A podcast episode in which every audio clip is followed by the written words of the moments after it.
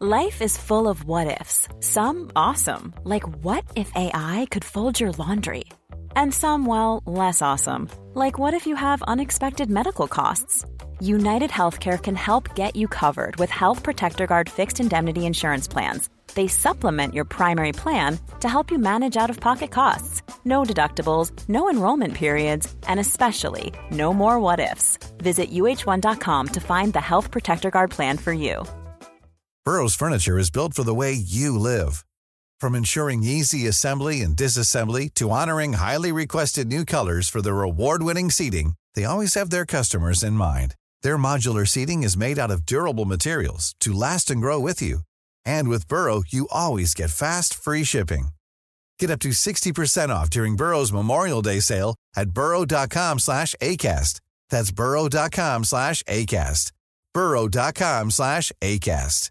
Jewelry isn't a gift you give just once. It's a way to remind your loved one of a beautiful moment every time they see it. Blue Nile can help you find the gift that says how you feel and says it beautifully with expert guidance and a wide assortment of jewelry of the highest quality at the best price. Go to BlueNile.com and experience the convenience of shopping Blue Nile, the original online jeweler since 1999. That's BlueNile.com to find the perfect jewelry gift for any occasion. BlueNile.com. Åge Fridtjof her. Jeg har fått med meg at det er mange som eh, mener de har mer peiling på å lage tak enn hva jeg har. I mitt hode så er det ikke sånn at selv om du er god, så bør du starte. Man må være gammel nok også. Jeg syns på mange måter at det er for mange unge, gode spillere, og selv om en spiller på 34 er halvskada, trenger ikke være automatikk at en 18-åring bør starte i stedet for han. Det skal liksom ikke være plass til de som er eldre. Så jeg sier som Per Inge Torkelsen er, altså. Gi ungdommen sprit før idretten tar de. Og til de som tror at jeg kommer til å gi meg bare etter noen tap, de kan tro om igjen. Det er ikke sånn at eh, Saddam Hussein ga seg etter en tapt krig, han heller. Og til slutt så har jeg lyst til å si til Geir Arne, som sier at det ser ut som jeg ligger på Granca og venter på drinker under kamp, ta oss og slå deg sammen med den fantastiske Alexander Larsen, og finn deg en annen hobby enn fo fotballtitting om du har et problem med å se eldre folk gjøre sitt aller beste. Takk, og god bedring. Oi, oi, oi, oi, oi! Vegard Heggen skårer! Og Rosenborg leder et nydelig angrep! Et nydelig angrep! Til bakken og Vegard Heggen her. Se det synet! Se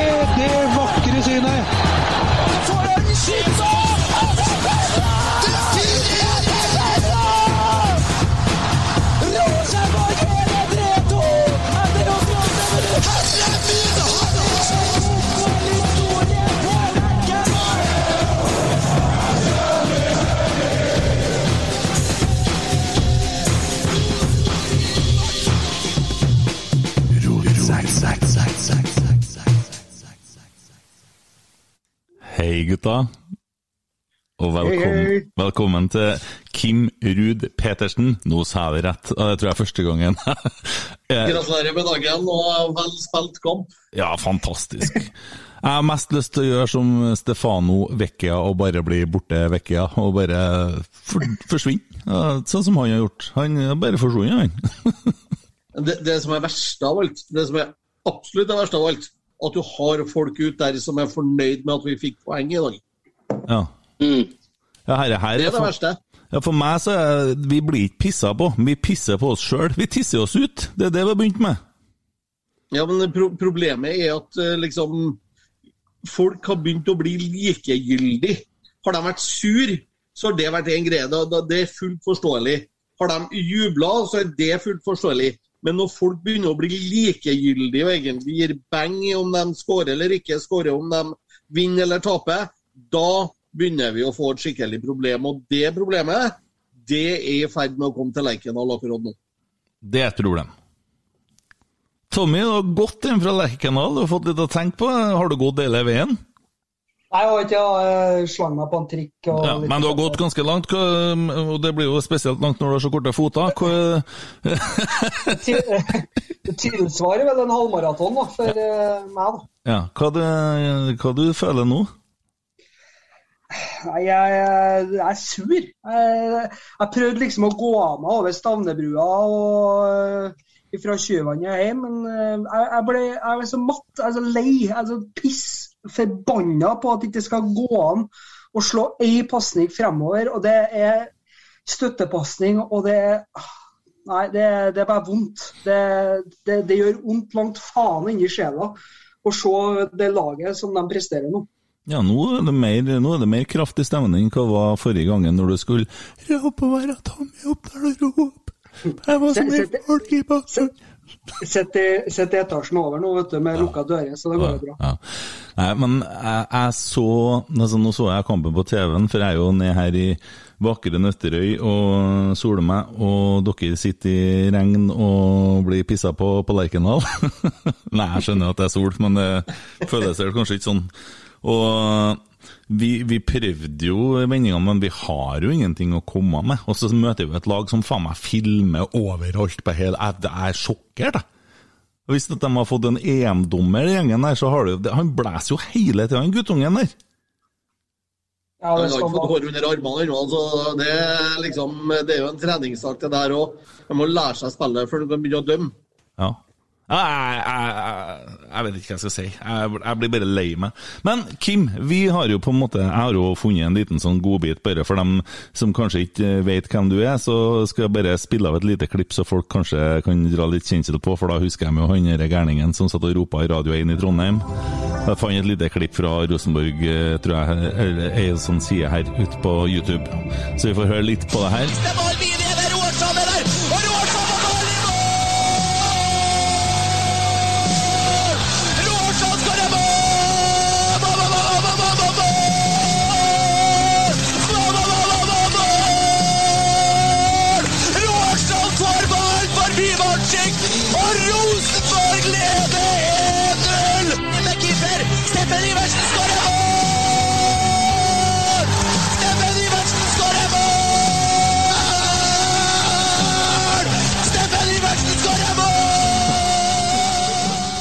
Helt fantastisk! Helt fantastisk!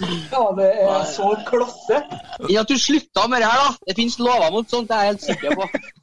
Det gikk ikke da, det, det, det, er greien, det som er greien uansett, liksom, nå er, nå er jo det her glanstida, og det var mye fantastiske. Vi skal huske på, det var mye drittkamper imellom der òg. Det var ikke bare sol og sommerfugler. Det var, det var de grå hverdagene på Fosshaugane der òg, så, så, så man, man skal huske på det. Men det som er viktig å ta med seg, det man levde på og gjorde det bra med på 90-tallet, også delvis i 2000-tallet, det var entusiasmen. Det var gleden, det var humøret. Det var kompiser som gikk på banen. De blødde for drakta, de blødde for hverandre. Selv om det var noen drittkamper og noen gråværsdager innimellom, så kom de alltid tilbake innen rimelig kort tid og visste hvor skapet skulle stå hen, til både smurfene ute i havgapet, til de gulkledde som eh, ligger sørafor, og alle andre klubbene i landet. Det evner vi ikke å gjøre i dag. Det som er problemet, og ordet evne Jeg trodde at kanskje mye av spillerne var lat, var lei. Eh, følte at eh, samspillet er ikke bra nok, her sliter vi litt. Men det er ikke det. Det er rett og slett at de ikke har evna nok til å lykkes med det de gjør. Og det har ikke verre. Tetti kommer inn, gjør en veldig god jobb, syns jeg. Du ser at han kjemper med midtbanen. Han prøver. Men det hjelper ikke å være alene og prøve når ingen bevegelse eller ingen folk rundt den. Om vi har hatt Haaland på topp i dag, så har det allikevel kommet til å bli 0-0. Det er jeg helt sikker på. Mm. Det er så dårlig bevegelse rundt dem med ball at det er umulig å få til å gjøre noen verdens ting. Og Da blir det ikke noe glede på tribunen, da blir det ikke noe entusiasme, da blir det ikke noe jubel rundt klubben. Du er nødt til å sette deg ned, slappe helt av, finne på noe annet, begynne på nytt, bygg det opp, og så kan vi ta det derfra. Ja, jeg så noe som heter Juni, en som laga junitabellen til meg i stad. Vi er nederst. Er Stabæk er bak oss. Vi har skåra ett mål, og vi er nederst. Altså nest nederst, da. Det er har juni. skåra et mål på 358 spilleminutter, vel? Ja, det, og sånn eh, Reitan og står der i dag og skyver han oppå øvre vest, skulle jeg si. Det, det, jeg, jeg, jeg vet ikke, jeg, jeg, jeg blir litt sånn mutta, men jeg er jo ikke sint lenger. da, Jeg blir lei meg. Jeg, jeg var så lei meg i stad da folk snakka om at jeg gå og være for meg sjøl, jeg, jeg, Nesten så tårene kom. Og jeg, jeg blir så forbanna på det der eh, filminga på dette Haugesund-greiene og alt det her, og så er det noen som får litt håp, og så blir det knust. Hver forbanna gang!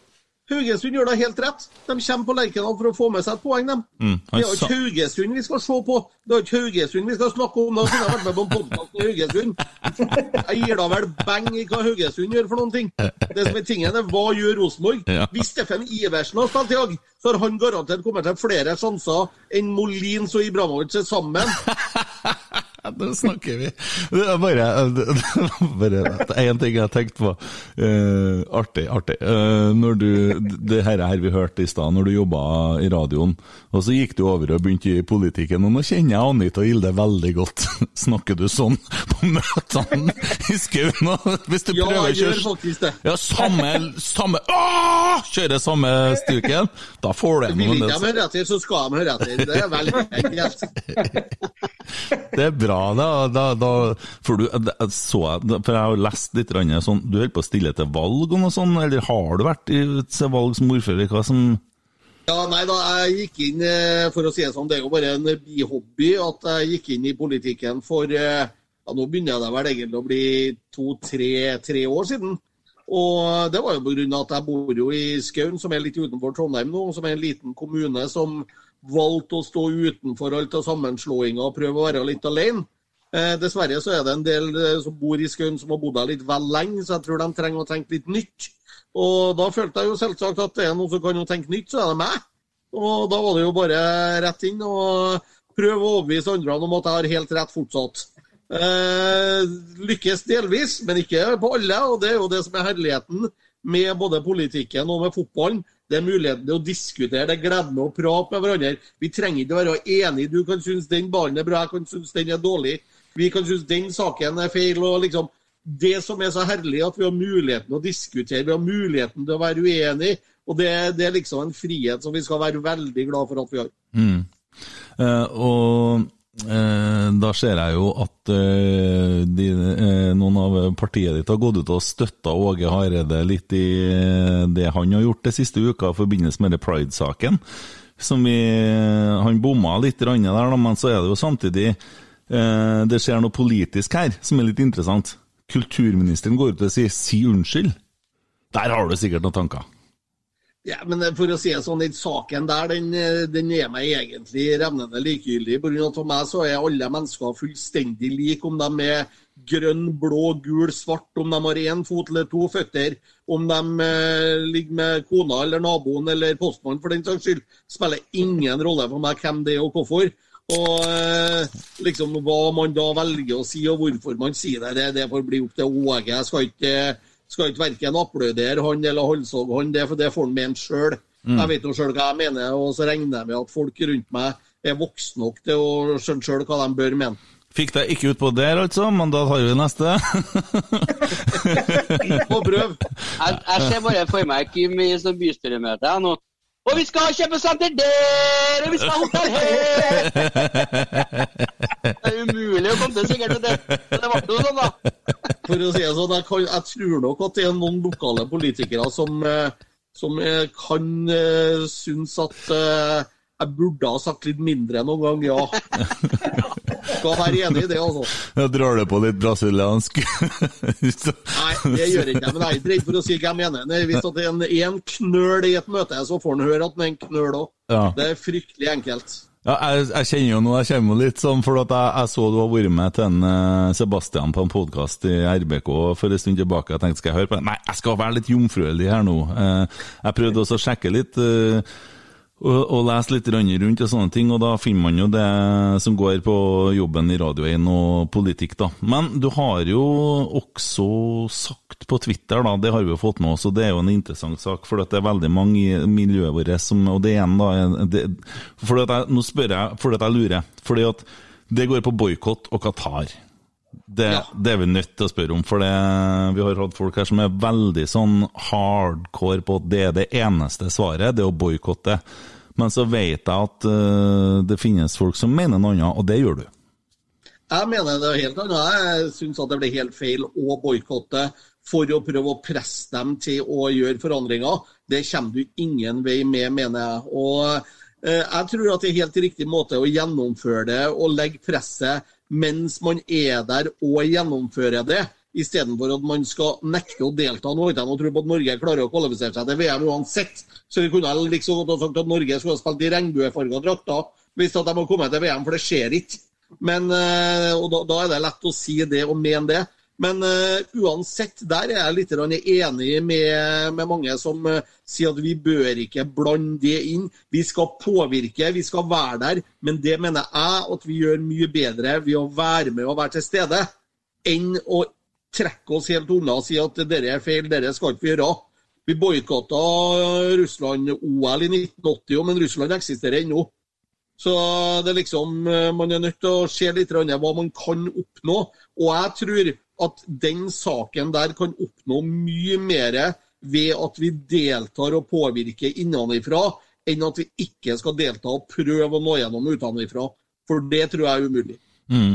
Du er veldig modig, da, for at jeg ser jo det, og jeg har jo skjønt det når jeg jeg ikke så lenge siden jeg har begynt å være på Twitter, da ser det veldig mange som leser bare overskrifter der. og så mener man veldig mye veldig stort og veldig sterkt. Det gjør man. Ja, og så får man kjørt seg, da, og da er det jo liksom sånn uh, Uh, hvis vi ser tilbake nå på, på Rosenborg kvinner, da, så er det to uker siden så var det sånn hatkampanje fordi at de mente noe i forbindelse med det samme som vi snakker om nå. Uh, og da, skulle, da, mener jeg folk at de heter, skal ikke hete Rosenborg engang, for Rosenborg er imot Rosenborg for boikott. De eksisterer ikke. Bort med det! Bang, bang, bang! sant? Og så gjør Rosenborg herrer da, det er så dårlig at vi begynner å snakke om at nei, vi skal forholde oss mot Rosenborg kvinner. Så man snur fullstendig, og så er det bare det som finnes, da. Det, det, og det skjer så fort.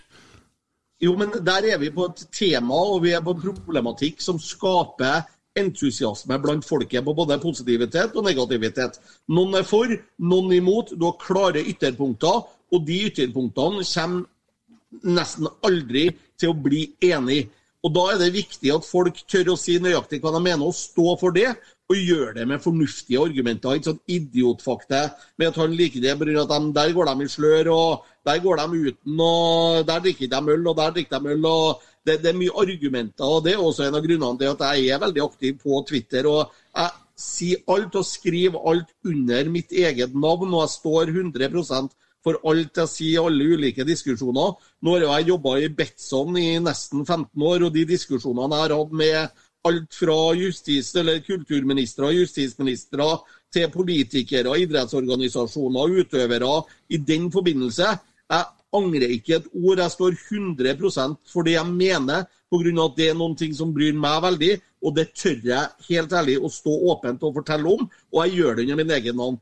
Og Det som er verste med sosiale medier, det er jo alle de falske kontoene og dem som er under pseudonym, og som er liksom øh, Jeg har ikke, tør ikke å skrive navnet sitt engang på kontoen. Mm. Da, da, bør du holde kjeft og finne deg noe annet å gjøre hvis du ikke er voksen nok til å stå for meningene dine da, da, må du tenke nytt. Det er fryktelig enkelt. Ja, Vi har jo gjort et poeng ut av det, og det kan vi jo ta med nå.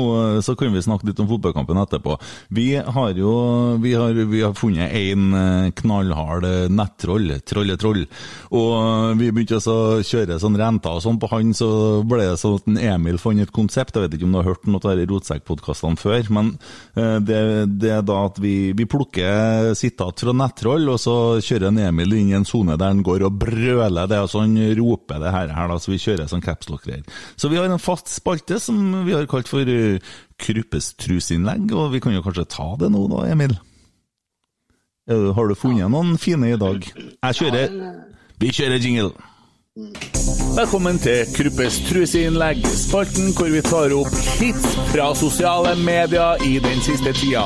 Presentert av Emil Eide Eriksen. Kruppes truseinnlegg.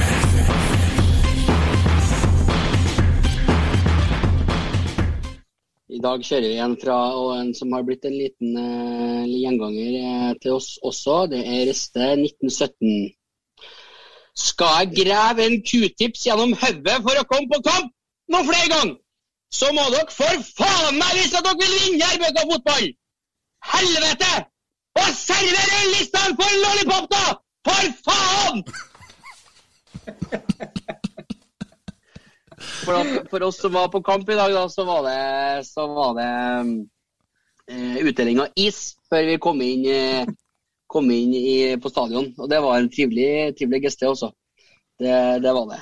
Ja. Da Spist. har jeg, da har jeg full forståelse eh, da, da skjønner jeg greia med at jeg måtte gå hjem i dag òg, for jeg fikk faen ikke noe is. De hadde, de hadde bare 2000, og det kunne hende de ikke så deg òg. ja, det kan godt være. Det kan godt være. Kanskje det var der det lange vaktene sto også. Ja.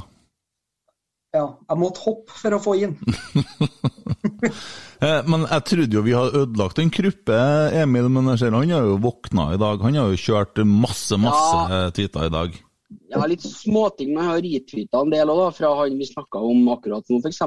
Mm. Men Kruppe sendte jo et bilde fra Øvre Øst i dag, da. Det gjorde han. Så, Ja. så vi, vi nettet snører seg sammen. Han er observert på, på kjernen i dag. Men han har svart også. Så ikke det? Han har skrevet Eh, i det- rotsekk. Trenger ikke å være Må bare komme igjen hvis du har den. eh. Nei, jeg, husker, jeg, er bare så det sto et eller annet om å synge i stedet for å prate. etter eller annet sånt. Eh, jeg, trodde du skulle til blæse av gårde noe nå. Ja. Yes, nei, men eh, bra. Godt jobba. Uh, ja, hva skal vi si, da? Kampen Rosenborg, hva skjer videre? Bør Åge Hareide gå, eller bør han bli? Kim? Tror det er å- å, ja. Ja, nei, Tommy, kom for all del. Det er da vi ser der, så. Ja, ja prøver. Nei, altså, jeg tror, det, jeg tror det blir for enkelt å skylde på treneren hver jævla gang. For det, vi snakka litt med eh, Tetti etter kampen nå, det, det går litt på spillerne nå, altså. Det, det blir for tannløst. Det blir for uh, Altså, det virker ikke som det er noen som er villig til å ta tak. Tetti prøver i dag. Uh, Molins, når han kom inn, er veldig direkte og, og krever mye av seg. Uh, André Hansen prøver, men det virker som at så fort de får ballen i fotene, så blir de redde. Altså, de, de, de går for det enkle hver eneste gang. Det er, det er pasning til nærmeste spiller, det er veldig mye støttepasninger og pasninger på tvers. Så det å Ja, men, Og i dag, i dag syns jeg faktisk en Åge prøver òg, da. Forstår og dirigerer litt. Han begynner med det, men så går han og setter seg etter hvert. Det er mulig at det er det er ekstra kiloene at han flytta nær solsiden som har tatt den litt. For at det skjer halve kampen, så sitter han på benken og siger lenger og lenger ned. Eh, men uh, selve spillet så ser jeg litt Jeg hørte på Alexander med Godfotpodden før og de har et poeng der, for at vi har to midtstoppere som rygger begge toene. Og så er det akkurat som at de venter på at en Tetti skal komme og rydde opp foran dem. Så det er jævlig stort rom foran der. Ser dere det? Mm. Det, det og det skjer hele tida, altså. Ja, det, det mellomrommet der, og det er ubeskytta. Og det gjør jo at uh, midtstopperne får problemer med hvordan de skal legge presset sitt. Og så har du også uh, Jeg må vel så som å si at de bekkene på kantene som er per i dag, er ikke de beste Rosenborg har hatt på som sidebekker opp gjennom årene. Det, det tror jeg nok vi alle kan være enig i. Eh, Men de har mulighet til å spille seg gode, men da må de få hjelp. Sånn som midtbanen eh, spiller nå, så har du Tetti prøvd i dag. Eh, Så har du Sakken, som endelig var tilbake på den litt mer offensive indreløperrollen, som prøver, men han får ikke noe hjelp rundt seg. Det er veldig stillestående. Du står og venter. Det er liksom det er sånn det eneste som er sikkert i landet her, er at selvangivelser kommer hvert eneste år, og at alle bortelagene vet hvordan Rosenborg spiller før kampen starter. Det er de to kampene, eller to tingene som er helt sikre. Eh, og liksom, Uansett så må Rosenborg prøve å fornye seg sjøl, om det er kravet til, eller kravet til 4-3-3, om det er dårlig eh, sportslig ledelse ved innkjøp av spillere, om det er psykologi fra trenerteamet som ikke er bra nok til å få entusiasme inn i spillerne. Det er nok sammensatt, skikkelig sammensatt. Men for å komme ut av det, så må det et eller annet til. Men om det er treneren da som eh, igjen skal fornyes, eller om det er på tide å tenke på kanskje at noen av spillerne bør finne seg noe annet å gjøre, det er jeg usikker på sjøl. Mm. Jeg, jeg, jeg føler at jeg har begynt å miste trua på Åge Hareide, for det ser ut som spillerne har begynt å miste trua på han. At, um, og Samtidig syns jeg at det har vært jævla mye dårlige disponeringer. Uh, sånn som vi stiller mot Lillestrøm. så det, det er jo det er jo flere spillere som spiller på uvante posisjoner, og så bruker en sak, saken helt ut på sida der. still med så defensiv midtbane. Eh, Per Siljan har jo sett skada ut i lang tid. Eh, Og Tagseth har jo vært litt kvikk, egentlig. Og hvorfor får ikke han starte? Og hva er det som har skjedd med Emil Seid? Ja, og så, og så ser du Ole Sæter som plutselig blir lånt ut resten av sesongen til Ullkisa. Vi, vi har to spisser på topp der som ikke har vært i nærheten av målet nesten siden vi flagga 17. mai. Og så har du en som er litt stor i kjeften, som er trønder og tøff og tør å si at dette skal jeg klare, jeg kommer til å bli bra. Hvorfor gir ikke han muligheten til å spille seg varm, gjøre det bra, gjøre sånn som Bodø-Glimt eh, har gjort, og mange andre klubber gir ungdommen muligheten, men nei da. Vi kjører det gamle Rosenborg-stilen. Vi skal låne bort vi skjønner ut en annen klubb, og så tar vi den tilbake når det er 14 dager igjen av kontrakten, og han går gratis til en annen klubb etterpå. Det er liksom sånn uh, blitt sånn gjengs at det er OK på brakka, føler jeg. Og jeg, jeg tror at vi må ha forandring der. Vi er nødt til å ha inn unge, våkne, flinke, sultne fotballspillere som har lyst til å blø for drakta, som har lyst til å bli kompiser, som smiler, som flirer, som er sammen om det her som ett fellesskap, og ikke noen enkeltspillere som gjør det bra i perioder. Det, det er jo nesten sånn at det, Vi husker jo hva som skjedde sist, når Hamren var og brukte penger som en full sjømann, og så kom Jønsson og var lova å få ta over et eh, Det var ikke noe penger igjen, og ble nødt til å gjøre det som du sier nå. Så Jønsson han bygde jo et nytt Rosenborg-lag med mye trøndere, for det var ikke penger der. Så han, Nei, eh, ja, og han er jo faktisk en uh, fyr som passa bra til det. Dessverre så fikk han jo ikke hva kunne han få til med det han hadde, men han, han ga oss jo muligheten for å tjene noe penger fremover på spillersalg osv. Men Tommy, vi gjorde jo et interessant stunt tidligere eh, for noen dager siden her og kikka på hvor mange spillere, Rosenborg-spillere, eks-spillere, som er rundt i andre klubber i de to øverste divisjonene. Det er så mange, det! Det er så mange lag som har Rosenborg-spillere at det å skrive felt av sine egne er faktisk en dårlig nyhet, for det er nesten i alle klubbene vi møter, så er det Rosenborg-spillere. Så det er jo, bare for å presisere det òg, at den eh, lista som er lina opp der, da, med både unge og litt mer voksne spillere i de norske to øverste divisjonene, det, det, det, er jo bare, det er jo bare her. Og så har vi jo alle dem som er på en måte Skogen, eh, Johnsen, Johnsen, gutta som er i Nederland og i Italia nå, eh, som Ja, det skjønner, har, og vi har jo snakka om det tidligere i podkasten, at det er jo ikke plass til alle. og Det, det har jo den gjengste supporter forståelse for. Men det er litt sånn ja, Når eh, du ser hva de presterer, de som er der, da, så er det vel noen av dem på den lista som, som er oversendt til deg, Kent, og som vi ble enige om. eh, de kunne vel kanskje ha prestert hakket bedre, noen av dem. Det Men hvis vi snakker om, eh, snakker om Ole Sæter nå. Mm. Et spørsmål til dere, gutter. Er det bedre å gi Ole Sæter muligheten til å bygge seg opp og bli en storskårer og superstjerne i Rosenborg, eller å gi en svenske på slutten av karrieren som er på vei nedover, muligheten til å bevare plassen på laget? Nei, jeg, jeg ser den, men jeg, jeg tror at Ole Sæter ikke er så god som vi hadde håpa på. Men eh, jeg, kanskje jeg tar feil. Eh, Jeg, Men kan han bli det? Jo, det er klart at han har noe, og det vet jeg folk på Lerkendal som sier òg, at han har noe. Uh, og at uh, det så vi jo Ranheim-Sogndal. Det så tilfeldigvis den kampen. Var ikke Sogndal? Nei, det var det bergenslaget. Han mosa inn så mange mål der for. Åsane? Ja. Dæven, da han var Så det, det er klart at det, det er jo det der vi hadde trengt i dag, ikke sant? Da var han jo løven.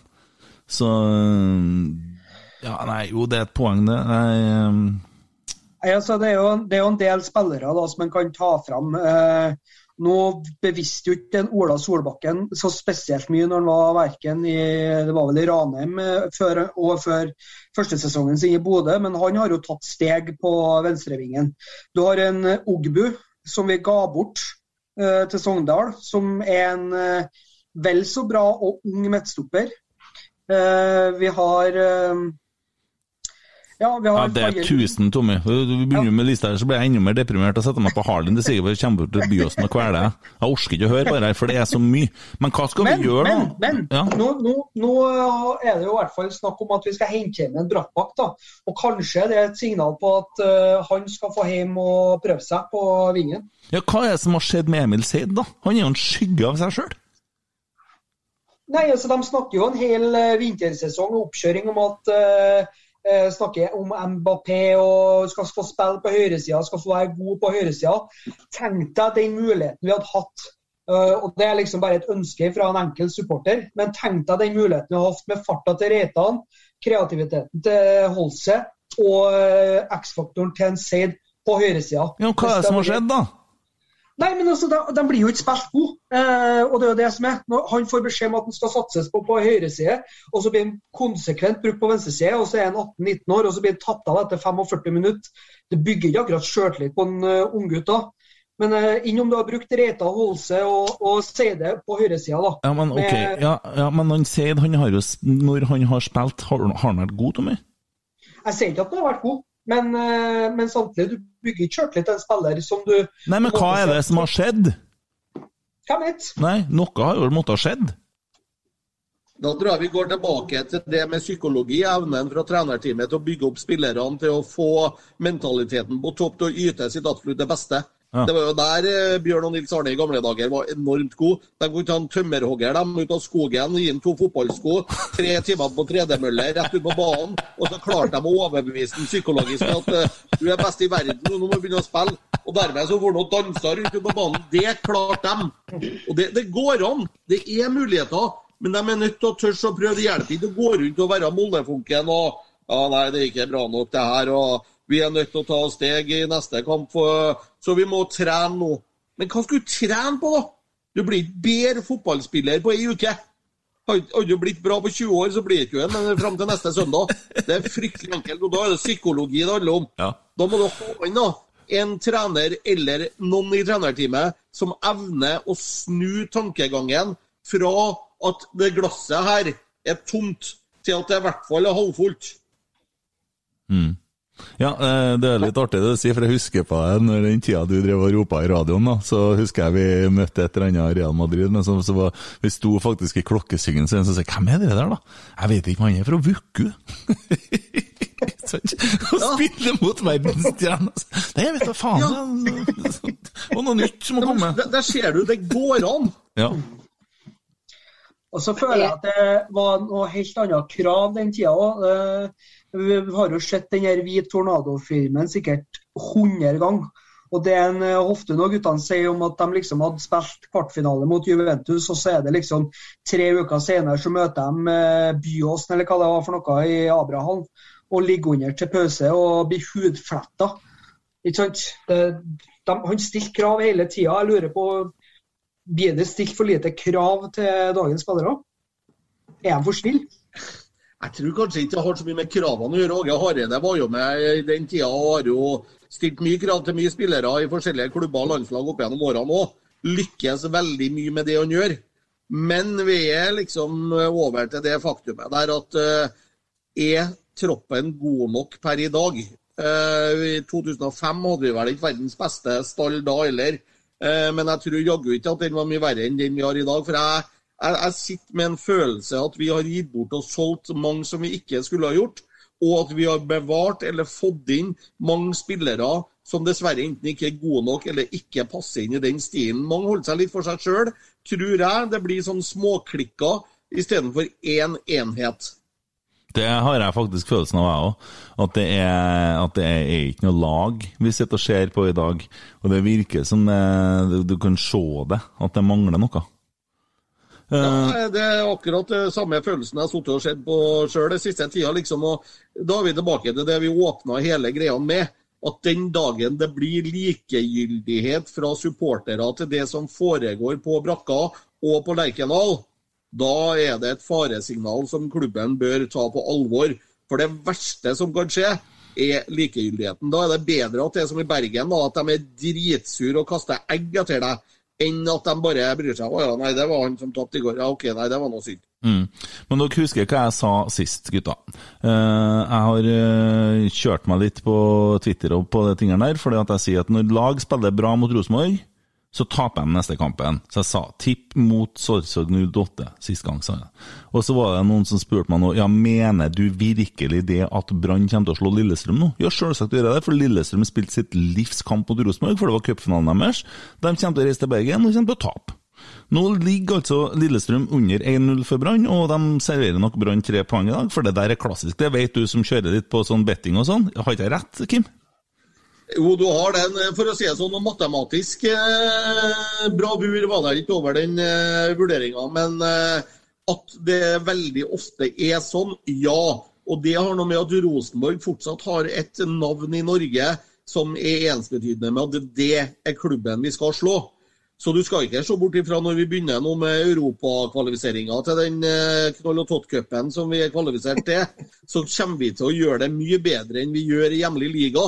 Pga. de klubbene som vi møter der, er ikke punkt én vant til å møte Rosenborg. Punkt to tror Rosenborg er mye dårligere enn de er etter å ha sett dem og fulgt med hva som de har gjort i ligaen så langt. Men med en gang liksom, det begynner å blæse litt i høstløpet, og flomlysene kommer på, og ølet plutselig koster 39 istedenfor 69 igjen, da har du liksom da, da har du guttene som er i gang. Og jeg tror nok at uh, Rosenborg har potensialet, men det er bare evnen tilbake til det, til å få det ut, som er viktig.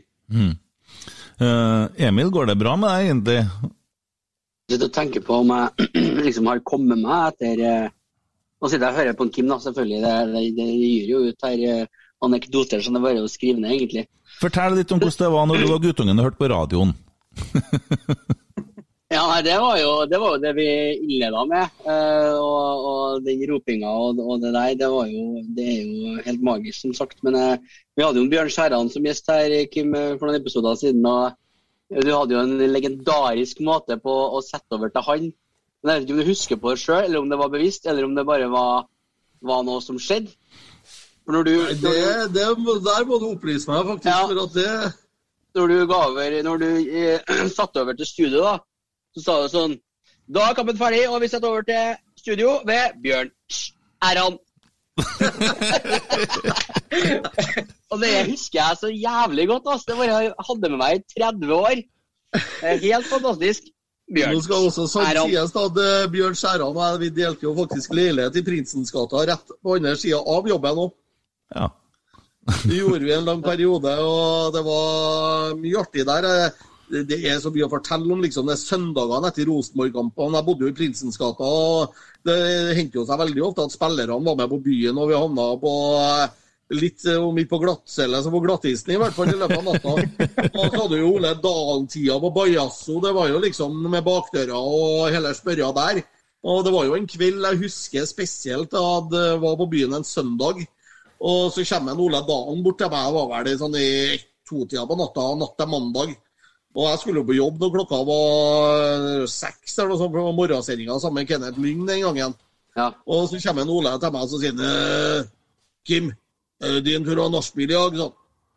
Ja vel. OK, ja, men jeg skal på jobb i morgen tidlig. Ja, men er ferdig til det? Ja, OK, ja, her er nøkkelen, da. Så måtte jeg gi ham eh, nøkkelen til leiligheta. Og når jeg kom hjem til den leiligheta en liten time etterpå, så var det band på kjøkkenet og DJ på stua. Da var klokka halv tre natt til mandag, og jeg skulle på jobb klokka seks. Så det var liksom eh, Sånne kvelder fantes. Var det ferdig du skulle på jobb, da? Det, det husker Som lovt? Nei. jeg. Husker ikke. Hvordan, hvordan, Det spørs hadde, om det bandet sitter og spiller ennå. hvordan hadde Kim klart seg i krenketida, tror jeg, Krenkesamfunnet? sånn som det var den gangen der. Hvordan tror du? Hvis at man hadde tatt kamera på telefonen? Nei, Jeg er så sjeleglad det tida der var uten sosiale medier at du aner ikke. jo, jeg aner det, for at jeg har levd på jeg har, jeg har et bilde av Thomas André Ødegård en gang. Og eh, Vi havna på byen eh, lørdagskveld, og det var kamp på Lerkendal på søndagen. Og De skulle ha oppmøte på brakka klokka ett, eller det var vel på Scandic på Moholt de hadde oppmøte klokka ett. Og eh, så ble det jo seint da, og det skal sies. Og jeg våkner, jeg kommer til meg sjøl sånn i halv tre-tida. Og der sitter faktisk Thomas André i sofaen fortsatt og sover. Han sitter sånn som dette her, hvis du klarer å se meg nå. Det virker, Han tror sjøl at han holder i et glass, men det gjør ikke han. Det er tomt, og han sitter og sover. Jeg er borte og vekker han. og Skal ikke du spille kamp, du, nå? Kan var klokka, liksom. Ja, det er klokka halv tre. Å, faen, vi skal møte over ett. Nils Arne blir sur. Ja, ja. Fint, jeg er oppover nå. Ja, ja. Taxi, ja. Rett opp på hotellet da, og lurte seg inn og fikk bytta om og sånn. På Lerkendal har kommentert kampen selvsagt klokka seks. Aldri sett Thomas André Ødegaard spilt bedre fotball som keeper enn akkurat den kampen. Så det har litt med oppladning hva du gjør. De er nødt til å liksom få slappe av litt imellom slagene. Ja. Nei, jeg, jeg må si jeg er glad jeg har opplevd 90-tallet, og jeg er glad for at det ikke finnes bevis. eh, For det er jo greit. Det, det, var, det var mye som skjedde, og mye artig. Men gud, for noen opplevelser man har vært med på opp igjennom. Hva man har sett og ikke sett. Den kvelden i Milano, liksom, etter at uh, vi slo AC Milan uh, borte mot Dortmund, når vi skulle ut og feire der. Alle opplevelsene som var med rundt, som, som egentlig veldig få vet om, men som vi som var med på det, husker utrolig godt. Det er sånne minner som du har med resten av livet, og som eh, kommer til å stå der uansett hvor bra Rosenborg gjør det i framtida. Så var det noe spesielt med gjengen på 90-tallet og det som foregikk da. Mm. Du, hva, hva gjorde dere når dere er jo foreldre nå, skal jeg si, hva gjorde dere etter seieren i Italia?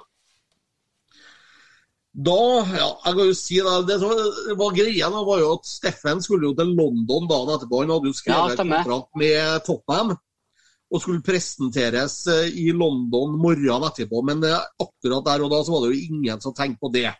Så det var jo den vanlige pressekonferansen med klubben etterpå. Uh, vi, vi var jo der, pressefolkene, og det var jo smil og glede. og ja, eh, Vi var jo vel like mye på feiringa, vi som, som spillere, nesten. Og vi ble jo pakka inn i bussen sammen med spillerne og kjørt til spillerhotellet. Og med en gang vi kom på spillerhotellet, så Nils Arne da, satt jo helt forrest som alltid. Og inviterte alle sammen til fest. liksom At nå skulle det bli fest. Bare å komme inn, legge fra dere skriveblokkene og telefonene. Nå, nå er dere med på party. Og han går ut av bussen, og der står det en drosje utenfor. Og Nils Arne kaster seg ikke inn i drosjen, men å river opp døra på førersida. Hello, sir. Do you know where we can buy cigars? og han italieneren jeg vet ikke om han kunne engelsk eller ikke, men han var rimelig snartenkt, da. Uh, yes, but it's uh, quite far away. Oh, no problem. We pay, sa Nils Arne. Og kjører opp med kortet, eller eh, firmakortet med Rosenborg, da. Og jeg vet ennå ikke om drosjesjåføren har kommet tilbake til hotellet, eller om det trekkes på det mastercardet ennå. Det, det er jeg litt usikker på. Eh, jeg så aldri noen sigarer. Gjorde ikke jeg, men eh, han spilte noe godt. Han fikk noe godt betalt i hvert fall for å kjøre rundt fra det hotellet. Jeg skulle kjøpe sigar på natta her. Eh, så kom vi inn i resepsjonen, og hotellet sto jo på hodet. Og det jo, måtte jo ordnes festlokale. Og det ble jo et konferanserom i kjelleren. Og du vet at På hotell så har du sånn bagasjevogner som du får å skyve på enkelte av de fine inkludert Britannia, der man legger bagasjen på. Ja, ja. Nils Arne fant en sånn treetasjes bagasjetralle. Og den treetasjen ble fylt med konjakk og whisky og vodka og øl og sider og blandevann og kaffe og alt mulig. Og kommer trillende ut i foajeen. Nå skal vi ned i kjelleren, gutta. Inn i heisen og ned i kjelleren. Og festen gikk jo bra. Jeg husker jo vi storkosa oss og flira og feira. og Det var jo ikke noe ille, det. Det som var litt synd, var jo på Steffen stakkaren som skulle med et fly som gikk klokka seks om morgenen. Mm. Så jeg husker jeg var med ut og vinka han inn i taxien da når han for. Tror ikke han sov, nei. Nei. Eh, men eh, så liksom, da begynte det å roe seg ned litt, så jeg dro tilbake på et annet hotell der jeg bodde. Og la meg ned og sove sånn i sjutida og ble vekket da klokka ni av en telefon. Eh, om at jeg måtte slå på TV-en. Og da var det faktisk Nils Dalen, broren til Ole Dalen, som ringte og vekket meg. For da var jeg Play of the Day på CNN. Ja. Da hadde CNN filma, eller italiensk TV hadde filma mens jeg sto og kommenterte oppå bordet det siste minuttet av matchen med fire sigaretter i kjeften. Jeg hadde én sigarett der, én der, og så hadde jeg to tente, én i hver sin hånd. Og jeg sto der, og publikum sto rundt og hørte på meg. Jeg la jo ikke merke til det der, for jeg var jo helt inni kampen. Og eh, liksom da, The Crazy Italian Commentator, da, sa CNN, da. Play of the Day. Eh, Da var jeg litt stolt, må innrømme det, da. Og så switcher jeg kanaler, og så er det direkte fra London og i neste sekund. Hello, uh, we present a new Tottenham player, Steffen Iversen. Kommer inn og spiller som han har vært på fjellet i tre uker. og sånt. Så eh, det, det var et heftig døgn, akkurat det der, da.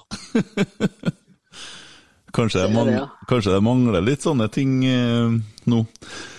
Eh, Emil Almås har sendt inn spørsmål og lurer på hva din favorittspiller gjennom tidene er. Jeg frykta at jeg skulle få det spørsmålet der. Eh, hvem av ungene ser best ut? Det er liksom det, er et spørsmål som nesten er umulig å svare på. Men den personen som eh, for meg har betydd mest, både som eh, spiller, som personlighet, eh, vennskap, omgjengelighet og eh, rett og slett stamina og hel ved, er Roar Strand. Eh, Du kan plassere mange rundt den, du kan plassere mange på linja over den, men du finner ingen over den. Så nummer seks, Roar Strand, er vel det den personen og den spilleren som jeg mener står høyest i Rosenborg-historien. Det er Supermann. Ja. Ingen er sterkere enn han. Og for å, Vi hadde jo en fantastisk hyllest til han her, for, som en Alexander Larsen ville ha sagt, eh, for et par episoder siden. Så eh, det, det er jo et godt svar. Eh, skal vi se her. En Anders, som tydeligvis du kjenner godt, han spør om du har samme temperamentet som faren din. Hilsen en som ble jaga romslige rundt for å bli hengt opp på en knagg eller hetta på jakken i gangen der, etter gjentatte snøballer mot ruta. Ja, Det lønner ikke seg å kaste snøballer mot en danske, det sier seg sjøl. Ja, for du er dansk. Ja, og pappa var dansk, eh, så jeg har fortsatt dansk pass, og familien min bor i Danmark. Så jeg kan liksom til tale dansk som jeg kan tale norsk, men måske det er litt svært å forstå. Så det er kanskje greit å holde seg til norsk. Cameloso. Cameloso. Cameloso. Eh, eh, ja, og, og da, da har du vel fine dager med EM, da? Ja, helt fantastisk. Helt fabelaktig. Mm. Eh, Danmark det er litt sånn eh, Sjokket kom jo i første kampen med Kristian Eriksen. Det, er jo ikke noe hemmelighet. og Det liksom var, var huleste som skjer. Da ble plutselig fotball veldig lite interessant. Mm. Eh, da var det andre ting som sto foran. Men det at han berga og kom tilbake, laget kom tilbake, stemninga i Danmark de, Vi er røde, vi er hvite. Det er fram Ja. liksom med røde pils, eh, røde pølser og kald bayer igjen. Og stemninga fra 1992 er på vei til å komme tilbake i det danske hjem. Covid eh, eksisterer i hvert fall ikke under fotballkampene. Og eh, det, liksom, det er litt normalitet oppi det hele, og da er det litt deilig å, å følge det danske laget. Nå er jeg spent på hvordan det går mot Tsjekkia. Det er liksom sånn eh, gråværslag, som jeg sier. Det sånn, det landet ble funnet på på en tirsdag. Det er jeg helt sikker på. Så, liksom eh, hvordan det går, og det er sånne lag man ofte taper for. da. Du så jo mandagslaget Ukraina slo jo Sverige i går. Ja. Det var jo også litt ut av det blå. Så, så det, de litt kjedelige lagene å møte, for at de er jævla gode. Men så håper vi og tror at vi skal klare å slå dem likevel, da. Ja, men jeg tror at Danmark kommer til å vinne igjen, jeg. Jeg håper endelig du har rett, så blir det en tur til København og eh, rett å finne seg en iskold bayer, og da kan det bli en gammeldansk Batman jeg. Men eh, Du har, du har, du har 100, du har 100 hjerte som slår for dansk fotballunion. Ja, det har jeg. Jeg har Ja, det- alltid det er like fulgt Danmark dansk og Rosenborg, liksom. Ja. Ja, det, det har vært det hele veien. og Selv om jeg er veldig glad i Norge og alltid følt meg norsk òg, men eh, når jeg kommer til København, så sier jeg at jeg kommer hjem. liksom. Jeg gjør jo det, jeg må innrømme det. altså. Men eh, hvordan var det for deg å få Åge Hareide som dansk landslagstrener, da? Ja, det syns jeg faktisk var litt spennende. Det var litt bra. Mm. Var det, for eh, Jeg hadde jo bevist mye tidligere med klubber og Ståle Solbakken i FCK som har gjort eh, fantastiske ting som ingen trodde en norsk trener skulle gjøre. Ronny Deila var innom i 20 minutter før han fløy videre. og så liksom, Du har jo hele tida den tilknytning liksom, mellom Danmark og Norge, også fotballmessig. Mm. Så det at Åge fikk laget til EM, det er det veldig mange dansker som er en evig takknemlig for. Ja, og så går han her og ser Danmark vinne 4-0 og går videre, og sjøl skal han drive og så plukke opp ballen i nettet mot Sarpsborg 08. Og... Ja, ja, ja, nei, det er liksom det som jeg sa tidligere, det er ikke bare solskinnshistorier, det er noen hverdager inni her òg. Ja. Og den dagen på Lerkendal i dag, det var den største hverdagen han kunne ha opplevd, tror jeg. Ja, det, det er et tap å spille 0 mot Haugesund, det er opp. Ja, Det er det. Helt enig. Ja. Uh, Bjørn Jeg blir sånn Ja, vær så god, Emil. Bare Nei, få det bare- ut. Få det jeg- ut. Ja, for at jeg var ikke klar til å si det i starten, men jeg, for det er nesten flaut å si det. Men sitt på Lerkendal i dag, og så blir jeg sint, som du snakka snakket om, men jeg blir sint på dommeren for at de ikke dømmer konsekvent, for de sparker bort ballen. Ting som jeg ikke skal bry meg om, egentlig. Og så når, jeg, når de spiller fotball, så kjenner jeg at jeg nesten sitter nesten og tenker på ja, i morgen så må jeg gjøre det, og så må jeg gjøre det, og så må jeg dra og hente den, og så må jeg ordne bilstolen til sønnen min, og så blir det Og så liksom sitter jeg og så forsvinner jeg. Du, du, du blir ikke sint, du blir ikke lei deg, du blir ikke skuffa. Nei, nei, nei, nei, nei. sånn- Oi, oi, oi, oi. Nå må vi hjelpe en Jørgen Stenseth her. Vi kan ikke begynne å spre likegyldighet. Oi, oi, oi, oi, oi, oi. Du må det er komme opp Ja, du må er det komme deg litt nå. det. Ja. jeg, må, jeg, må opp, jeg, jeg er på tur, kjenner jeg nå. Nå er jeg på tur. Ja. Men det er råskummelt, altså. Ja, det er det. Men, det er altså, sånn, skal jeg fylle de 90 minuttene her med noe annet, kanskje? For at det, liksom, det er sånn men kan det være Ja. sånn for, for at, også, sånn, sånn Petter Rasmus. Jeg er litt sint på Petter Rasmus i dag òg, for at jeg hører på han og så sier han ja, 5000 stykker, og ennå driver de og annonserer etter billetter. Jo, det er klart det, for at det er noen sesongkortfolk som har vært hyggelige og sagt at de ikke skal ha plassen sin, og da har de muligheten til å selge billetter. Sånn er det, Petter Rasmus. Det er ikke mer negativt enn det. Slutt å være så jævlig negativ. Vi kan lage det sånn. Vi må er litt Jeg sånn, er helt enig. Alle sammen kan ikke snu livet sitt og komme på kamp på fire dagers varsel på onsdagskveld med unger og jobb. Og... 5000 er jo heller ikke så kult. Altså, de fleste som er på Lerkendal, bruker å komme fra Fosen og Nord-Trøndelag, så det er jo ikke sånn at, og det skal jo litt til, for det er jo ikke vant med lenger nå. Uh, fått Men BB på Lerkendal i dag var jo kjernen. Ja, ikke sant? Det er sant. Og vi har jo en liten innsamlingsaksjon. Har du fått med den, eller? Det har jeg fått med TIFO for eh, folket. Ja, vi- skal ha 500 000 kroner vi til 4. september, for vi skal få hengt opp det. Han Ivar Kotteng har ikke betalt ennå, og ikke Gjermund Aasen. Jeg syns kanskje at Gjermund Aasen kan komme et lite plaster på såret, for han har sagt at han satt 3000 kroner her, og de 3000 han mangler, ser jeg. Vi følger med deg. Hvis en Koteng skal få fred, så bør han vel cashe ut resten av beløpet i løpet av mandagen. Da, kan han, da har han kjøpt seg et par dager, ja. Vi har fått inn et spørsmål fra Bjørn Æran. Uh, Kim Hva var det Fikk jeg det til, Emil? Ja, det er det. Det var bra. ja, ja. Hva var den viktigste oppgaven til din produsent som sto bak deg på kommentatorplass under Champions League på Lerkendal i glansdagene? Ja, eh, det har vært mange varianter og teorier om det. Eh, Han hadde én jobb, han. Og det var å tenne sigarettene mine under kampen. uh, Jeg røyka i den tida. Uh, Vanligvis gikk det med sånn uh, 20-pakning om dagen, er noe greit. Men på kampdager, og spesielt Champions League-kamper, så gikk det med ca. 60 røyk. 20 av dem under kampen. Uh, og jeg ville jo ikke at folk skulle høre lighter-lyden i mikrofonen min når jeg tente på. Så derfor så hadde de meg egen produsent, så jeg bare tok ut eh, Mom deserves the best, and there's no better place to shop for Mother's Day than Whole Foods Market. They're your destination for unbeatable savings, from premium gifts to show-stopping flowers and irresistible desserts. Start by saving 33% with Prime on all body care and candles. Then get a 15-stem bunch of tulips for just $9.99 each with Prime. Round out Mom's menu with festive rosé, irresistible berry chantilly cake, and more special treats. Come celebrate Mother's Day at Whole Foods Market. When you're ready to pop the question, the last thing you want to do is second guess the ring. At Bluenile.com, you can design a one of a kind ring with the ease and convenience of shopping online. Choose your diamond and setting. When you find the one, you'll get it delivered right to your door. Go to Bluenile.com and use promo code LISTEN to get $50 off your purchase of $500 or more. That's code LISTEN at Bluenile.com for $50 off your purchase. Bluenile.com code LISTEN.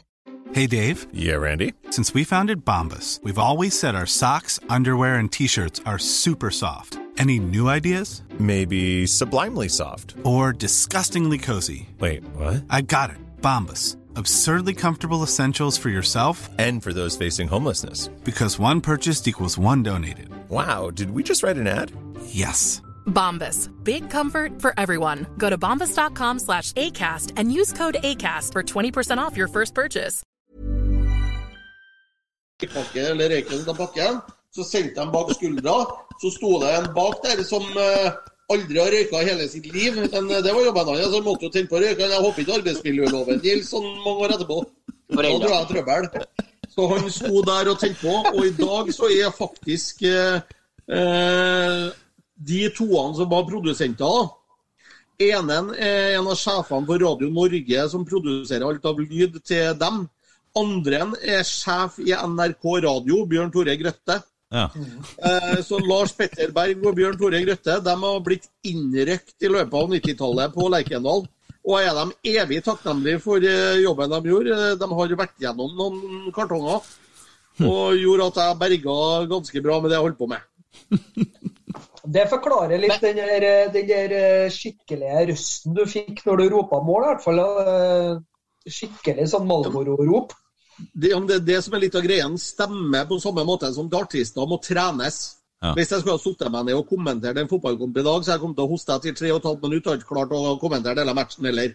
Men da var stemmebåndene trent. For at, husk på, i tillegg da, til at det var Champions League på tirsdager eller onsdager, så var det seriekamper på søndager. Jeg kommenterte eh, ishockeykamper på torsdager. Jeg kommenterte håndballkamper som spiltes kanskje på lørdager. Så vi snakker enkelte uker med en fire til fem matcher i tillegg til vanlig nyhetsjobbing. Og det er klart, det eh, med 60 sigaretter om dagen, så merkes det på stemmebåndene. Så de var veldig godt trent til vinning.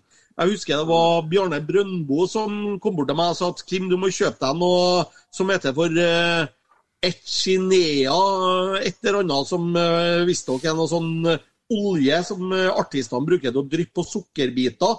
Og så suger de på det for å få stemmen til å bli bevart. Og det var jo det var i Stavanger, faktisk. Jeg var på vei ned dit, jeg møtte på flyet. Eh, Da gikk jeg rett inn på apoteket i Stavanger og kjøpte meg det, og det funka som fjell. Så det brukte jeg hver eneste gang jeg kommenterte etter det, og i alle årene framover. Da funker det bedre kanskje som kommentator enn hva det gjør som vokalist i DD. Jeg blir det Ja, det bruker jeg det ennå, tror jeg. ja, hadde, har, det, har det funka? Når du sto med fire sigaretter i Milano, hadde, hadde, var du bare, hadde bare mista det, eller? Nei, da var det bare ett minutt igjen av tilleggstida. Da sto jeg oppå kommentatorpulten. Jeg sto liksom oppå bordet sånn. Ja, ja. Her med fire sigaretter og headset på liksom Og helt sånn uh, i min egen verden. Og det jeg ikke visste, da var jo at publikum som Vi, Vi satt jo utendørs og kommenterte. Så foran pressetribunen så var det bare vippa sånn, men på høyresida av oss så var det et stort gjerde, så at de ikke skulle pælme ting eh, på meg og sånn. Og bak det gjerdet var det jo bare italienere, men de slutta jo å se på kampen de siste to minuttene. Det sto jo 1000 italienere der som skulle se og høre på meg, som sto og klappa og jubla til meg, liksom. Så det var jo helt oppi der. Ja. Han Emil, Emil Almås har også spurt hvem som roper mål lengst av deg og meg. Jeg vet ikke, Det er kanskje likere at vi gjør det live, og at jeg kommer og spiller på noe Fremskrittsparti-arrangement i skauen, eller noen sånne ting, og så at vi tar det Ja, nei, For å si det som sagt, så er det jo eh, stemmen eh, Jeg tror ikke jeg er i nærheten av å klare like lenge nå som det lengste. Men det lengste jeg klarte, var faktisk 1 minutt og 36 sekunder. Dæven, han. Det er lenge. Det er lenge. ja, Hva var det som altså, kjørte den brasilianske stien både i ishockeyhallen og i håndballhallen? og alt for det? Ja, til en viss grad, men ikke like mye. Det- det- For å si det sånn, det er forskjell på at Rosenborg slår Real Madrid 2-0 enn at Byåsen slår Skjetne 39-32. Ja. Det er liksom 71 sånne. Da tror jeg radioen må være ferdig rekker ikke 60 røyk på den tida. Nei, du rekker ikke å bli ferdig med det ene, for det andre laget har skåra to ganger. Men Det eh, betyr at du tar 1 minutt og 39. Der kan du faktisk kjøre tre mål i én! Du. Men den, Brasil-varianten, kom den naturlig, eller bare bestemte jeg for at det der skal jeg bedre meg innføre i Norge?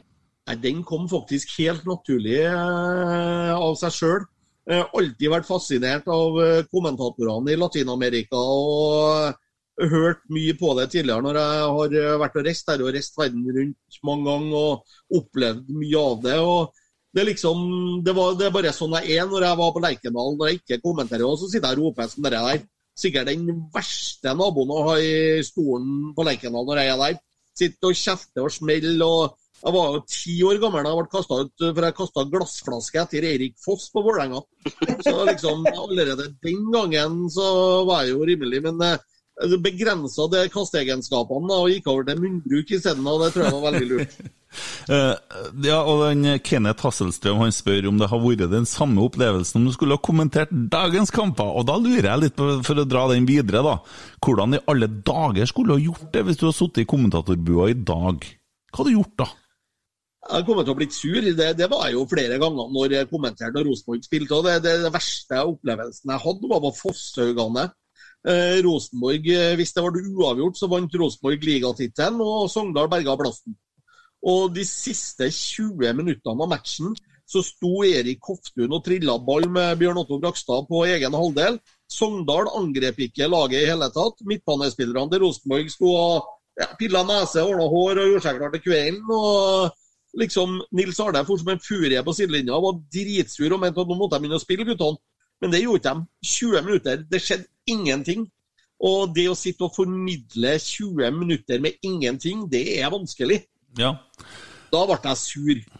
Ja, og jeg tenker at vi, vi, skal, vi er jo Rotsekkpodkasten, og vi prøver jo på en måte å være litt klovner, og så er vi, som det ligger i ordet, da. Eh, Du vet, eh, vi har jo trykt T-skjorter nå, de har jo kommet forresten, og der har vi bilde av onkelen min, og det bildet det er jo på i adressa, han som står i badebuksen, i trusa og skal smelte han fyren her. Det var jo adressa, han som står i både trusa her, Yes. det, det er en onkel Bjørn. Og vi har laga T-skjorte med det, vi, så vi kjører, for vi er jo der. Men så tenker jeg at vi, vi har jo sånn skuffelse på skuffelse på skuffelse her nå, og så prøver vi på en måte å ta det som en sånn slags sånn terapi her i podden, sånn at når vi er ferdig med podkasten, så gleder vi oss til neste kamp, så komme oss litt opp igjen. Men det begynner faen meg å bli tungt, altså. Det begynner å bli tungt, da, men nå skåra Lillestrøm da, med tre minutter igjen da, for dere som følger fotballkamp. Så der gikk jeg til helvete der òg. jeg bomma der Ja, òg. nei, da var du i hvert fall gira. Og artig det, artig det. At dem- det er jo kult, for det er jo artig å se at eh, de her andre laget ligger nederst. da. Olsen har skåra. og Rosenborg damer har sluppet inn et mål i dag, men vant. Men uh, mm. gikk Brann i dass igjen, altså. Går ikke an å få Blakstad på kant der, gjør det det? Hmm? Det går ikke an å få Julie Blakstad på kant i, til herrer, f.eks. Kanskje det, ja. Kanskje vi kan kjøre feia, feia jo igjen et uh, helt vanvittig mål mot uh, Lillestrøm sist, så kanskje, kanskje. Ja. Uh, si som Ivar Hoff igjen, altså. Jeg skal ikke si det her i gangen. Nei, Uh, men Ja, men- snill nå. Ja, jeg skal være snill. Eh, litt snill. Men også er det sånn, hvordan i alle dager skal vi komme oss opp nå, da? Og jeg personlig begynner å tenke som så at Hm, Erik Hamren? Nei, huff. Hei. Hei, hei. Ikke nå, har, du- nå, nå bør du gjemme dere fluktfodene, eller hva du holder på. Det er Det er liksom eh, Nei, nei, nei, nei, nei, nei, nei. Nå må du slappe av litt her. Ja, hvorfor Nå- ikke? Nå vi, Hvorfor ikke? vi, hvis at vi skal bytte trenere, så hvis at vi skal, nå får vi jo vite det forhåpentligvis i løpet av torsdagen. I morgen, Da skal. Åge Hareide ja, Åge Hareide skal svare klubben. Jeg har en liten Jeg så eh, journalisten til Nidaros hadde spurt eh, Åge på tur hjem i dag. Eh, kommer du til å fortsette? Ja. Så han fortsetter, mest sannsynlig. Og hvor har du sett det igjen? Det så jeg på Twitter. Ok. Ja, men også, okay. Men hvordan i helvete skal vi klare å finne håp i det her, da? Er det, er, er, er, er, teit når jeg sier at det er, er noe av skylda vår?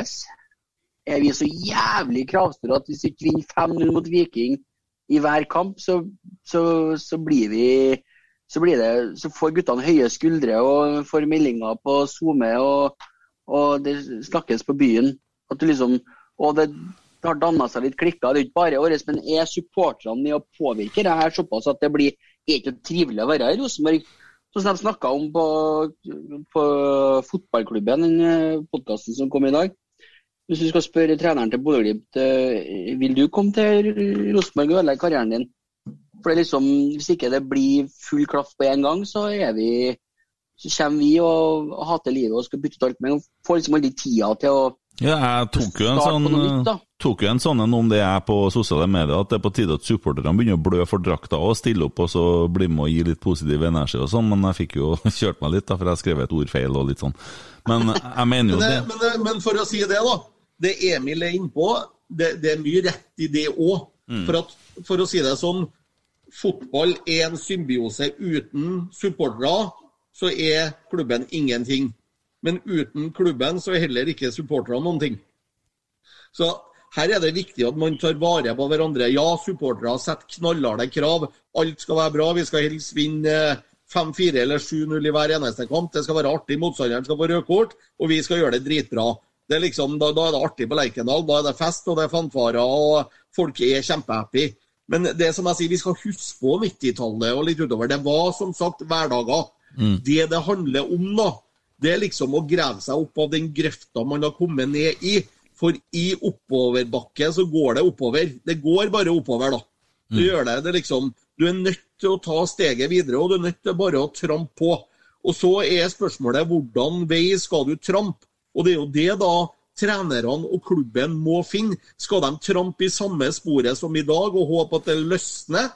Eller skal de prøve å snu opp ned på det og trampe en annen retning, som kanskje gjør at de spillerne som klubben tross alt har i stallen i dag, får brukt sine ferdigheter på en bedre måte enn det systemet man har prøvd på fram til nå.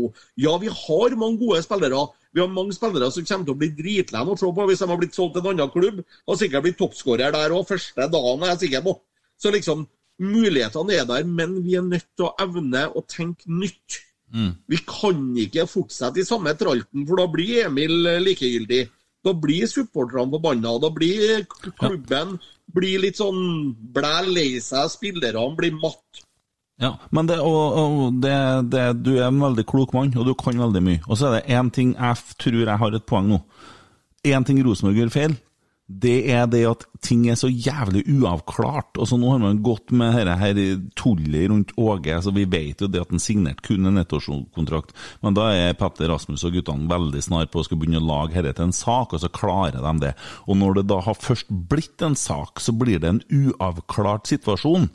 Uh, uavklarte forventninger, som Frank Lidahl liker å kalle det. det er en annen sak. Uh, men altså, og det, det går da på Det går på Anders Konradsen, det går på Evan Hovland, det går på Besim, nå går det på Hareide. Ar, og, og det, det er og Vi har han, eh, han holdt på å si Bjørn Hansen 2, Geir Hansen. Uh, og, og, og, og hvor er det som skjer? Skal de bli, skal de være? Og så Det å få rydda opp i det, og få litt sånn klarhet i altså at vi må ha noe å forholde oss til, for det, det syns jeg henger og dingler litt for mye. Og Der er vi tilbake til det som jeg sa er det største problemet til Rosenborg i dag. Det er den sportslige ledelsen. Og Da snakker ikke jeg bare om treneren, jeg snakker også om dem som er med på kjøp av spillere, er med på planlegging av kontrakter, som du er inne på. Hvem skal vi ha med, hvordan skal vi benytte dem? For hvis at man skal skrive kontrakt med en spiller, så må man ha en plan på hvordan man skal få den spilleren knallbra i form og til å yte sitt beste på laget. Man kan ikke skrive kontrakt med en spiller bare for å skrive en kontrakt.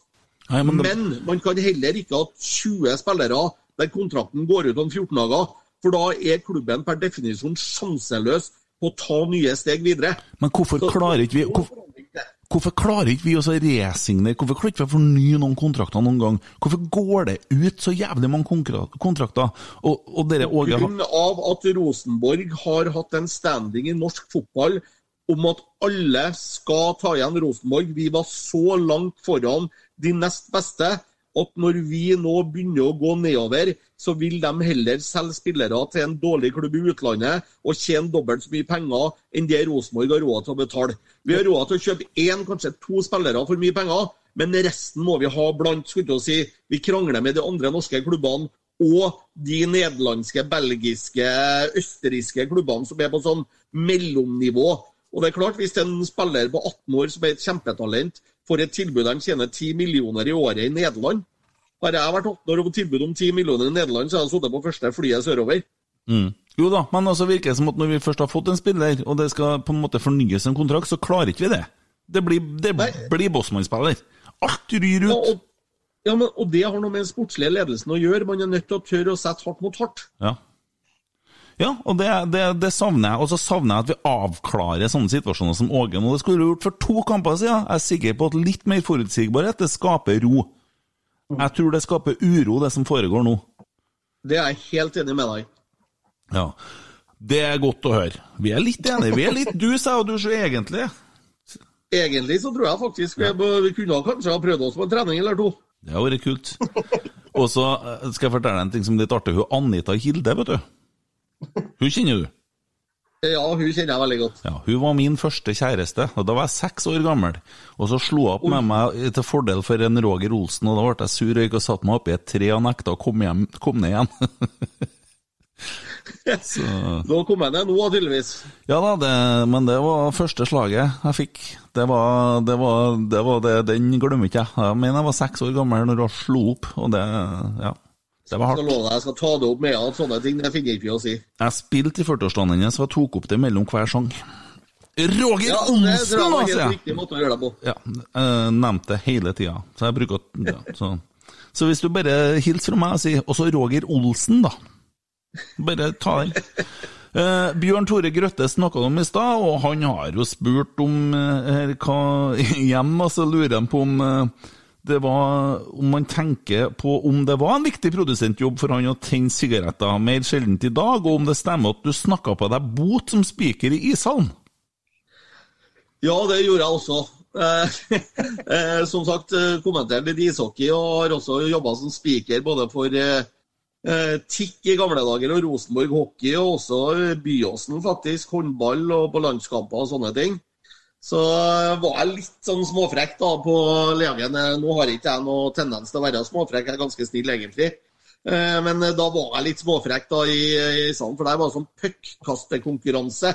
Og det er jo en fantastisk oppfinnelse. det å liksom gi hockeysupportere, som fra før er ganske aggressive, en knallhard ishockeypuck å kaste på isen. Det er jo bare Den oppfinnelsen der burde jo ha fått noen pris av noe slag.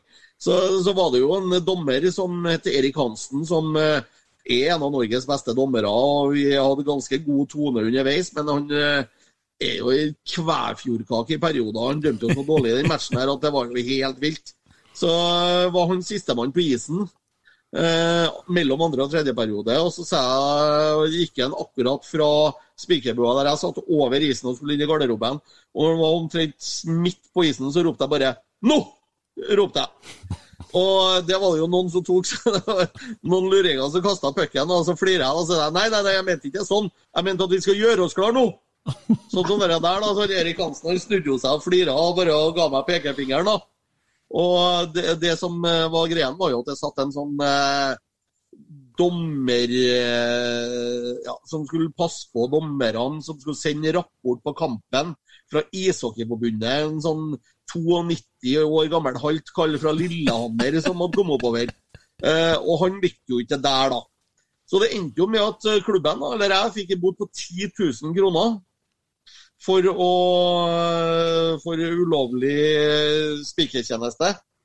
Og jeg ville jo ikke at klubben skulle betale den, selvsagt, så jeg sa at det ordner vi enkelt og greit. Så jeg ringte en kjenning av meg som var da en av sjefene i Jotun Maling. Og så sier jeg at uh, vi må ha dere til å dekke bota på 10 000, ordne reklame hver kamp. Og det ble selvsagt ja. Så hver eneste kamp deretter så var det uh, sponset av Jotun Maling. Dekker alt. Så de dekka den bota òg, da gjorde de. Så det var jo helt utmerket. Så klubben slapp i hvert fall å betale for den. Jeg syns fortsatt det er litt, litt vondt å snakke om bøter, kjenner jeg ennå. Det prikker i hele meg. Jeg har litt mange prikker fått her så de siste månedene. Ja, det er dyrt. Ja, Det kan dere gjøre om litt hvis du kommer deg litt opp i systemet. Skal du bli ordfører?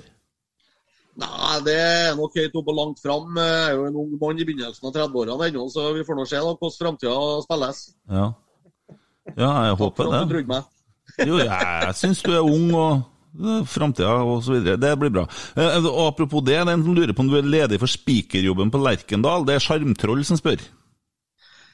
Ja, det For å si det sånn. eh, Ja, jeg er klar til kamp. Men eh, det avhenger selvsagt av en drøss med ting. Jeg tror Jørgen har det veldig greit oppå der nå og gjør en veldig bra jobb spikertjeneste på Lerkendal. Nei, nei, nei, nei, det er feil. Jørgen, Jørgen gjør en jobb, bra jobb, men Jørgen skal ikke være spiker der, egentlig. Og den som var spiker der i en kamp, det var som å sitte på sånn og høre dem lese på TV-en. Ja, det er og Jo da, men eh, skulle jeg ha vært det, så måtte jeg fått vært Kim som spiker. Det har jo vært genialt. Ja, men det ordner vi. Jeg, jeg kunne ikke ha vært eh, Tor Hva tror du Torvald folket vil ha? som har sittet her bare og jobba bambus imellom eh, 3-1, skåring ved nummer 4, Vebjørn Hoff. Ja, men det er jo det som er er jo det, som er nå, og det, det har vi jo gitt beskjed om. Men da ordner jeg det. Hvor, eh, hva koster det der, da? Det her fikser vi.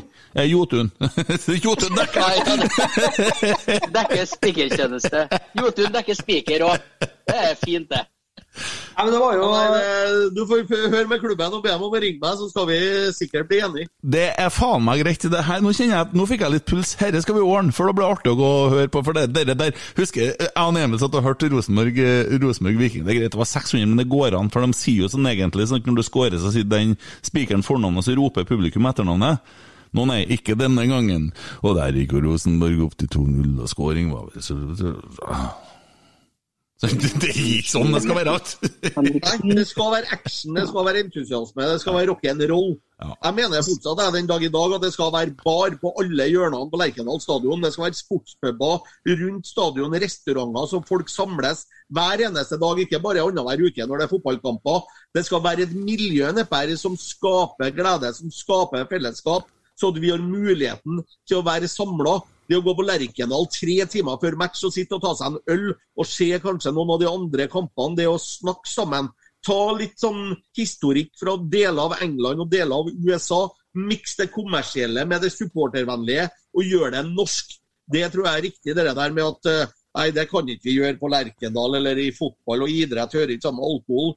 Pisspreik, det gjør det 100% så lenge folk klarer å oppføre seg. Hør ordføreren, folkens. Emil.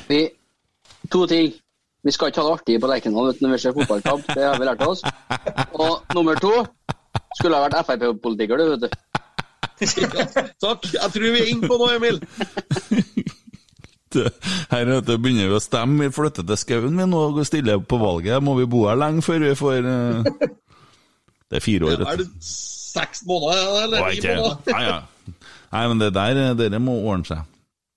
Dæven, du har jo helt rett. Det er jo, det er jo ikke så lenge siden jeg spilte oppe på Kjernen-puben. Vi starta nå festen eh, ganske mange timer før kamp. Det, er jo litt sånn der.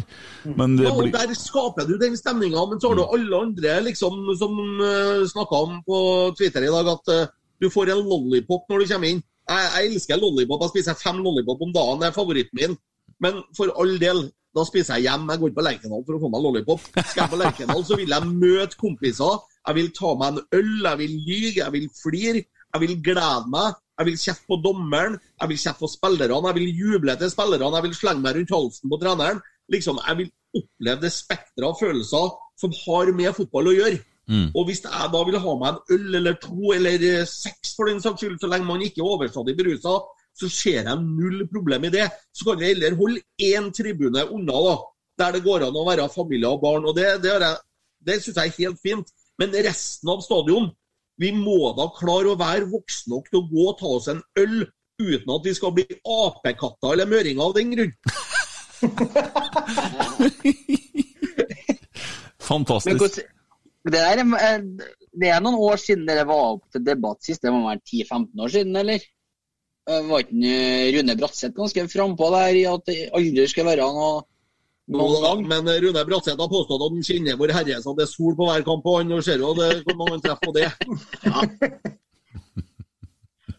Så det, det er, det er en del år siden, men nå er det lov å ha bevilling på Lerkendal. Mm. Det er det jo i og med at det er supporterpuben. Så er det lov å ha bevilling. Og den bevillinga kan jo utvide til å gjelde alle tribunene. Det at man bruker penger på å bygge om og bygge jeg skulle til å si, Du har selskapslokalene på Vippen, der er det jo full servering eh, på alle tre hjørnene, fire hjørnene. Ja, med litt restriksjoner, for de kommer og tar alkoholen så så Jeg er ikke at jeg er så mye på vippen, altså, men Jo da, men det, det, det er greit, de tar det en halvtime før. Ja. Det gjør de. eh, Og til meg, så de har tatt det fem minutter før, så har det vært mye bedre. Mm. For da liksom har du fått eh, folket samla mye lenger og mye tidligere. Og jeg tror at det har vært mye bedre istedenfor at folk skal sitte her eller Du sitter jo ikke og venter en halvtime på kampen, du står i dasskø en halvtime. Mm. Det er det som er realiteten på vippen. sant? Så, så jeg, jeg ser ikke noe problem. Og det tror jeg er med å skape det supportermiljøet som vi også vil ha. Vil ikke du ha en øl, så kjøper du en cola. Vil ikke du ha en cola, så har du mulighet til å kjøpe deg en øl. Mm. Så jeg, jeg tror at det å kommersialisere hele opplegget til å bli en miks mellom England og USA og få gjort det på supporterne sine premisser, det tror jeg er det viktigste for å dra idretten fotball i Norge framover i dag. Mm. Hva skal vi gjøre for å ivareta engasjementet og for å bevare håpet om Rosenborg-laget? Ironisk nok så har vi tatt inn et poeng på Bodø-Glimt disse rundene. Snodig nok, men uh... Fantastiske resultater. Men eh, tilbake til det som jeg sa, at eh, vi er nødt til å skape en entusiasme. Husk på, fotball handler om én ting, det er illusjon. Illusjonen om at det blir bedre. Illusjonen om at vi blir bedre og bedre. Illusjonen om at vi vinner. Illusjonen om at vi kan få til alt. Vi kan bli best i verden. Selv om eh, vi liksom spiller på Lerkendal, så kan vi møte Real Madrid. Vi kan møte AC Milan. Det, det er en illusjon som vi er nødt til å skape i vårt eget hode. Så må vi jobbe ut eh, liksom, for å få drømmen vår til å gå i oppfyllelse. Ikke bare vi, men spillerne og alle på laget, inkludert supporterne. Vi har klart det én gang. Vi kan klare det igjen. Jeg er sikker på at vi kan klare det igjen. Men det er som dere sier, dere og gutta, vi er nødt til å gjøre det sammen. Og da er vi nødt til å finne tilbake til den entusiasmen. da. Det hjelper ikke å være likegyldig som Emil, sette seg en robåt stedet å stikke av et år. Som Tommy, som bruker 24 timer på å gå hjem fra Lerkendal. Som Kent, som sitter på Nøtterøya og drikker fluktsoda. Da må du stå da på Lerkendal og hoppe og danse, gjerne tre timer etter at spillerne har gått hjem. Bare for å vise at hallo, vi har trua på dere. Nå må dere få litt trua sjøl òg. Det er der vi er. Ja, det er noe rentende hele gjengen her. Men guttene, guttene her var på kamp, og, Alexander Larsen fikk låne sesongkortet mitt i dag, så vi, vi er representert. Um, så det jeg passa han dårlig, egentlig. Så det jo på han hele veien. Alexander kom nedpå her, vet du. Så det holdt plass til meg litt forsinka, jeg. Eh, Så det blir sånn akkurat, da. Så, um, han har vært oppe på vippen vet du, og spist mat sikkert før han kom ned og satte seg sammen med oss. da. Vært og kikka etter Per Siljan og annet. Jeg kunne ikke si nei da, vet du, til å sette seg sammen med oss. da, vet du, Så kom han ned og bare så faen, korte seter. Det er ikke noe pledd der, da. Det er ikke skinnstol her, da. ikke sant? Ja. Og tvert det blåser seg, og så reiser han seg opp, da, vet du, og så skal inn i Så sier jeg det er ikke noe, det er ikke noe servering her, og så må du gå og kjøpe deg sjøl. Såpass, så sier han, og så var han jo kjøpte seg litt, da. og sånn Lunka kaffe her, da, sier han. Ja, sånn er det med oss gutta på gulvet, vet du, sier jeg. Ja. Var ikke Gøran som serverte Så den? ordner ikke de noe ordentlig kiosker? Hvorfor har ikke du McDonald's og Burger King som er på Lerkendal? Hvorfor har ikke du Domino's i annethvert eh, eh, kioskhjørne som selger pizza? Hvorfor har ikke du alkoholfrie drinker og muligheten til å kjøpe deg en øl? Hvorfor ordner ikke de et serveringskonsept? I dag så har vi det samme som vi hadde i 72. Det er lunka wienerpølser, det er troika, og det er halvvarm sola. Soloen er faen meg varmere enn kaffen på Lerkendal. Det er problemet. Ja, og det, jeg kjøpte jo meg, jeg kjøpte meg en Pepsi Max. Det kosta faen meg mer enn sesongkortet mitt. vet du. Det er, det all, alvor, det der. eh, Den kvaliteten har vi snakka om før òg. Men Kim, er du, er du medlem i Rosenborg, Kim? Jeg er ikke medlem i Rosenborg, men jeg er medlem i Kjernen. Ja, ok. For du må være med på medlemsmøte og legge fram litt sånne ting. vet Og så lekse opp litt, for du har jo, og du liker jo å snakke litt sånn i forsamlinger, og sånn, så du får ta opp en sånn. Eh, det, det, det, det, du må jo være medlem i Rosenborg. Ja, jeg er ikke redd for å si akkurat hva jeg mener, i hvert Ja, fall. det har jeg jo. men, eh, Jeg har lært deg å kjenne gjennom en, eh, en liten time her nå. Begynner å få for meg, sånn, ser for meg det, at du, du, du er ikke sjenert. Jeg så et Nei, det har jeg aldri vært. Jeg har aldri vært redd for å stå fram. og Det jeg mener, det mener jeg. Ja. Så får andre være uenige, og det har jeg full respekt for. Folk kan være uenige, det syns jeg er kjempebra. Det er gleden av å diskutere og debattere. Og... Men eh, feil, det har ikke jeg. Jeg kan godt, jeg, jeg kan godt eh, gi deg rett, men da tar vi feil begge to, han sier. Apropos å diskutere, jeg, jeg var jo ikke påskudd i starten. Jeg, jeg var jo nesten lei meg. Jeg bare gikk hjem. Eh, eller jeg kanskje hadde glemt det, men det jeg skulle spørre deg om angående den boikottsaken Det var hva tenker du vi, eller de som skal dit, da, skal gjøre under VM? For det er jo sånn, tr- tror du er sånn Dialog høres fornuftig ut, men Qatar og liksom De er jo fornøyd. De gir jo faen i hva vi mener så lenge VM blir avholdt. De bryr seg om ikke noe. Da kan, du, da kan du si det samme at de gir da vel faen i hva vi mener hvis VM blir avlyst. Ja, men Hvis det blir avlyst det, Men hvordan skal du få til det hvis du alle sammen drar dit, da? Alle sammen kommer til å dra dit. Det det her handler om fotballen, Emil. og liksom det at du drar ned. Jeg har vært en del i Midtøsten sjøl, og jeg skal faktisk nedover igjen om noen uker. Eh, og kjenner jo en del folk etter hvert, og både folk som jobber der, som er ansatt og er fra India liksom, og tjener 3000 i måneden og er meget fornøyd med det. Kjempehappy, for da har de råd til å ha et liv, råd til å sende hjem penger til familien sin. De bodde hjemme i India, så de tjener 200 kroner måneden. Man, man må se an litt realiteter. Og det at både Qatar og andre land i regionen og ellers i verden for den saks skyld, kan lære seg at det ikke skal utnytte menneskene. Husk på det er et helt annet lønnsnivå enn det her. De kommer aldri til å få gjennomsnittslønn på 432 000 norske i året med pensjon, fem uker ferie og grodag. Det, det, det kommer de aldri til å få. Men ved å ha slike arrangementer som setter søkelys på nasjonene og forholdene i de nasjonene de foregår, så bidrar vi til å gjøre dem oppmerksom på hvordan ting foregår i andre deler av verden.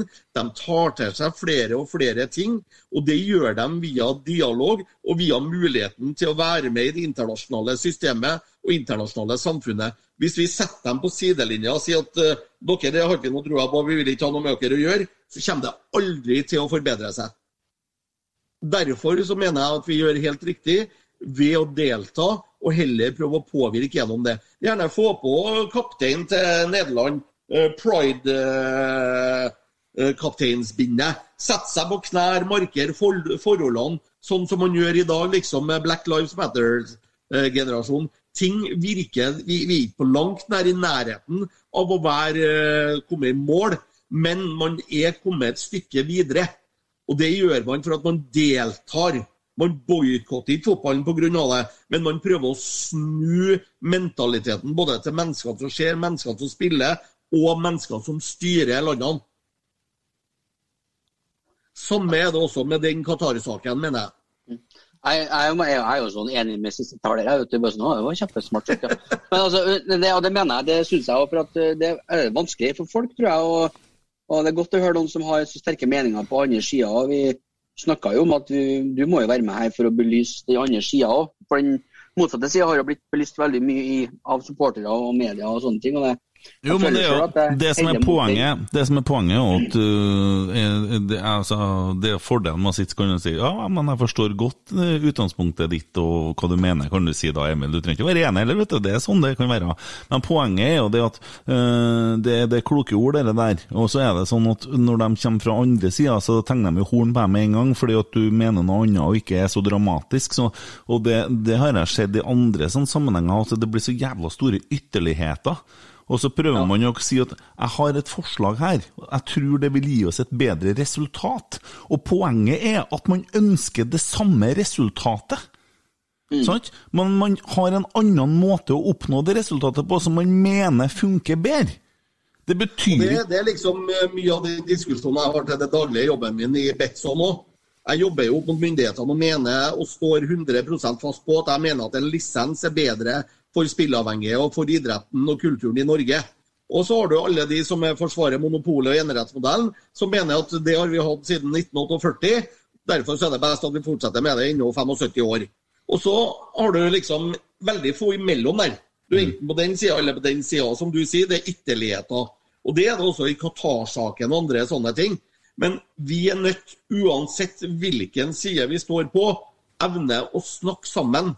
Vi er nødt til å kunne diskutere. Så får vi heller være enige om at vi er uenige pga. at det er noen som har forutinntatthet, som gjør at de står på sin sak, jeg står på min sak, og der, der blir vi stående. Mm. Og det, det må man kunne respektere uansett om hvilken vei det går. Jeg har ikke noe imot at Emil sier at han er kjempe for en boikott. og forklarer meg hvorfor. Og mye av argumentene er sikkert både veldig riktig og viktig.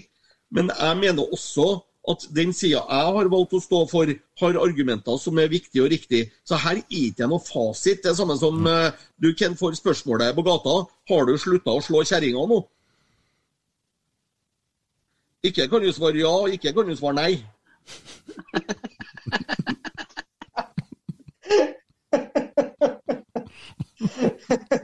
Ja, jeg, jeg, ser, jeg ser hva det er, Men det som jeg tror at eh, mange på andre sida plasserer deg som mener det du gjør i forhold til Qatar, eh, de tror at du mener det samme som Qatar, fordi at du vil oppnå Nei, det gjør ikke jeg overhodet ikke. Nei, og jeg forstår det, sant? men jeg tror faktisk at de guttene som Det er mye dysleksi ute og går på Twitter, vet du. og leser bare overskrifter, og så tenker de at å ja, han mener det, han står for det. Det skjedde jo med Åge Hareide òg. Sant? Det er jo det som skjedde med Åge Røde. Han, han mener jo det samme som oss andre. Han bare øh, har et, et annet forslag til at det kanskje ikke fotballen skal dekke alt det her. Han har et annet synspunkt på det. Og han, han, er, han er en øh, gammel mann som kanskje ikke orker alle det her utenomgreier om stadion skal være farga sånn. og sånn. Vi snakker om kampen, han vil ikke snakke om de fargene. Ja, men Vi er tilbake til det liksom, når vi snakka om tidligere. For meg så har det ikke noe å si om et menneske er blått, svart, hvitt, gult, om en er fra Afrika eller om det er fra Venn. Ja, Hvis den er liksom- blå, så betyr det litt, for da er den på å dø, og da må vi hjelpe den.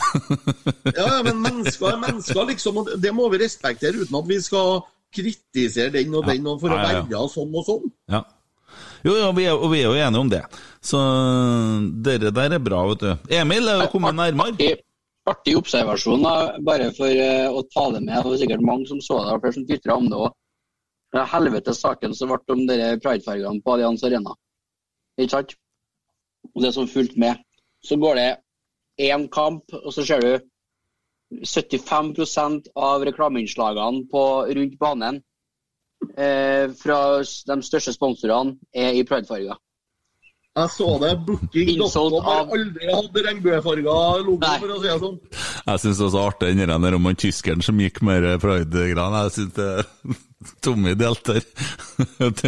Han Manuel, Noyer som hadde eh, regnbuefarga kapteinsbånd, og så er det en som svarer det at uh, de har gått med hver armbånd, de tyskerne. Innafor, ikke, ikke hus. Det kom en tysker en gang jeg jobba som butikksjef for Rørvik, så kom det en tysker en gang til meg på butikken, og så sier han til meg på tysk da, 'Sprechen Sie Deutsch?' Nei, nei, nei, nei, sier jeg. Og så begynte han å snakke på tysk. Nei, nei, nei, nei, jeg snakker ikke tysk, jeg skjønner ikke engelsk, sier jeg. Nei, og så fortsatte han å snakke på tysk, og så sto det en kompis sammen med meg, så sier jeg til ham, vet du hva, sa jeg. Han morfar han slåss imot sånne som deg, han, for at jeg skal slippe å snakke tysk. Og så vidt jeg vet, så vant vi. Så egentlig burde du begynne å snakke norsk. Sa jeg til han, han skjønte ingenting, men kompisen min syntes det var fantastisk. Snakker du tysk? Vi vant jo krigen! Ja, det, men du snakker jo litt tysk likevel, da. Ein bisschen Frieden, det husker jeg. Emil, er du blitt i bedre form? Du, eh, nå sitter jeg og kikker fram eh, og gleder meg litt til søndagen. jeg. Er ikke søndag? Det er det. Neste kamp, ja. Mm. 4. juli. Ja. ja. Da er det Odd borte. Ja. ja. Da får vi en ny sånn senket av sine egne Bakenga hat trick. Hattrick-kongen. Ja, men jeg, tror, jeg tror ikke vi skal være så redd for akkurat den biten her. Jeg tror kanskje at eh, eh, når guttene nå, som vi snakka om, det å få en avklaring Hvis Åge kommer med en avklaring i morgen, så det er unna. Da er det ferdig. Da er den avklaringa gjort. Da, det, det dummeste du gjør, det er å se bakover. Du er nødt til å se framover. Og søndag, ny kamp, 4. juli, nasjonaldag i USA. Gå ut og feire, gå ut og feste. Gå ut og kose deg på banen. Ben Skammelsrud sa det til meg mange ganger under Champions League, at Kim, jeg ser allerede i tunnelen om vi vinner kampen eller om vi taper kampen. Så sier jeg, hvordan i alle dager ser du det, sier jeg. Jo, jeg ser det på spillerne. Hvis de kommer med halsen i tæva, brystet fremskutt og et smil, så har de trua. Da vinner de. Det bør guttene ta med seg til Skien. Ja. Vi burde kanskje få tak i han eh, psykologen fra Danmark. Trenger trenere, trenere? Ja. Svaret er ja. Svaret er ja. Svaret er ja. Svaret er Ja, ja, ja. Svaret er ja. Svaret er ja på det. Ja, vi, eh, vi burde jo begynne å gjøre noe med hodet vårt. Og så tenker jeg, Vi har jo på en måte hatt det engasjementet ganske heftig her siden vi begynte siden Åge. Når Åge Hareide kom til Lerkendal, så sto jeg og venta på han. jeg. så det er ikke tull. Jeg sto, stått med sto utom brakka og venta. Jeg er så glad i han. Kan du. ikke du, kan du fortelle en historien om deg og Norge? Den har vi ikke hørt så mange ganger før. Nei, du har aldri fått hørt det helt. Jeg har jeg har aldri, jeg har aldri fortalt hele den historien. Nei, for du har møtt, møtt han, ikke Jeg møtte Åge Hareide, ja. Kjør på. Kjør på. Nei, jeg føler at jeg Jo, nei. Ah. Ta den, da. Ja, OK. Vi skulle Vi, kan spille jo ha, vi, har, vi har jo, vi har jo fem, 5000 lyttere nå. Vi kan jo mange som ikke har hørt det. Ja, da skal du få historier. Vi skulle spille eh, musikk da, på Ullevål. Eh, LO IT skulle slå sammen og trengte musikk til festen på business, Ullevål Business Class. Vi kjørte fra Bodø, for vi hadde vært på spilling der. Vi kjørte en gammel van og kom fram altfor tidlig. Eh, Så vi ble sittende der og vente, og der kom Åge Hareide og skulle være eh, konferansier, og han ble sittende der og vente. Jeg tror vi satt i nesten tre timer utom der og venta sammen. Og Dette er jo så lenge siden, vi satt ikke og rulla på noen telefon da, det var ikke sånn det fungerte. Vi satt og prata sammen, og da fikk vi utrolig mye historier om eh, tida han uh, festa i Namsos, eh, ja, utsparka jeksler i England, skotsk fotball osv. så videre og så sier jeg du må fortelle meg noen ting så jeg har å komme hjem til guttene med når jeg kommer til Namsos, for det var like før han tok over Rosenborg. Og så sier han til meg det. Ja, det skal jeg fortelle deg. Bent Skammelsrud, han er ferdig i Rosenborg. Eh, seriøst. Jepp, det er han. Og han vet ikke sjøl ennå. Jeg for hjem til Namsos. Jeg sier til guttene For vi kjørte hjem etter spillinga om natta. Vi er sånn, ja ja. Kom inn til Namsos, jeg gutta. Vi sitter på bistroen og sitter. Bent Skammelsrud han er ferdig i Rosenborg. Sier til Gille og guttene Gille kan bekrefte dette, Tommy. Idiot! Nei, det er fakta. Hvem som har fortalt deg det? Åge Hareide. Vent og se. Dagen etterpå så ble det offentlig. Ben Skammelsrud er ferdig i Rosenborg. Jeg kødder ikke. Det er en fantastisk historie. Ja, det er fakta. Ja, den er fin, er den er det. Da jeg kom hjem og sa det til guttene på bistroen, og guttene på bistroen vet at dette stemmer. Det er, det er iskaldt av han, for han tenker at denne musikeren, er lateksbuksa, og ingen smør på dem. Glemte om fire timer, han. Men han er jo så. Han er jo så transparent, han der, vet du. Han sier jo sånn. Så øh, ja, jeg skulle ønske han øh, Og jeg, skulle, jeg håper at det kommer noe i morgen med Åge Hareide der han forteller at han har bestemt seg for å ta to og et halvt år på Lerkendal, eller at han avslutter. At de får en avklaring. Og da skal det gjøres sånn og sånn og sånn, og nå skal vi stå sammen, og så skal vi få Jeg begynte å skrive en Rosenborg-sang, gutta. Å ja. Oi. Ja, og der har jeg skrevet at 20 000 hjerter slår i takt igjen. Og det er litt i forbindelse med det vi snakka om eh, i dag, da. Eh, så jeg har eh, tatt, eh, funnet en del fine ord. Jeg ønsker å prøve å på en måte skrive fotballsanger. er jo ikke så det, det er jo ganske Det er ikke dyp lyrikk, men finn Hvis det er Terje Walter klarer, så klarer jeg du. Ja. Det må være fasit. det, det var han på Ranheim, det.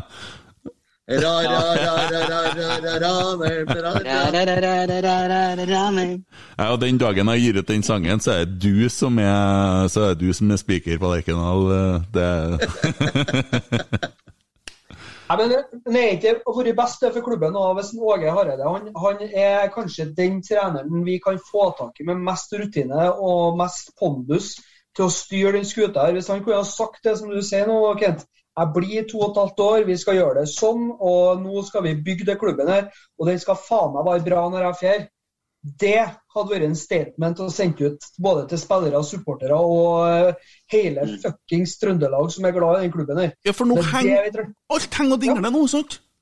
Helt klart. Ja. Så Det er det vi trenger nå. Vi trenger en trener som bare sier at jeg skal gjøre det sånn, jeg skal, eh, skal gjøre det jeg kan for å løfte den klubben her til toppen i norsk fotball igjen. Og gjøre det på min måte. Og dæven, vi skal være gode når jeg drar. Ja. ja Da hadde vi i hvert fall visst det. Fær nå, så gjerne det samme som han gjorde i 2003. Mm. Men det verste, verste som kan skje, er at han skriver kontrakt bare ut sesongen. Åh, Da blir vi hengende ennå et halvår. Måtte du si det. Måtte du si det. At Jeg, jeg tror det er det som kommer til å skje. Faen, altså. Nå var vi, på, nå var vi høyt opp her. eh, men jeg, altså, jeg drømmer jo om at det skjer det vi snakka om nettopp. To og et halvt år. Og, og jeg, jeg, jeg, jeg blir glad hvis den gjør det. Jeg begynner å bli lei av trenerbyttene, og vi kommer jo aldri i gang. Og alle sammen skal få bruke et kvarter hver, og så er ikke vi fornøyd, og så får vi bare gå i krigen sammen med dem. Det kommer jo en ny trener da, med ny filosofi, ny måte å gjøre ting på, og så skal vi starte helt på nytt igjen. Nei. og Da er det sesongen her ferdig. Jeg har lyst til å se en sommer der Åge fortsetter å prøve å få tak i Sivert Mannsverk. det er nå det de holder på å rote med. Eh, Men er det er- altså, Jeg sitter og ser litt nå diskusjoner. og Geir Arne Fyledøs her, og jeg skriver jo på Twitter at jeg er så skuffa, så ser jeg at det har kommet opp noen poeng under der.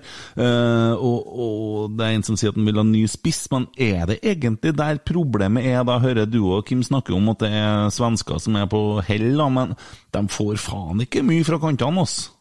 Nei, men for å si det sånn, det er jo av som jeg sier, at ingen blir gode alene. De er nødt til å jobbe sammen og nødt til å spille for hverandre.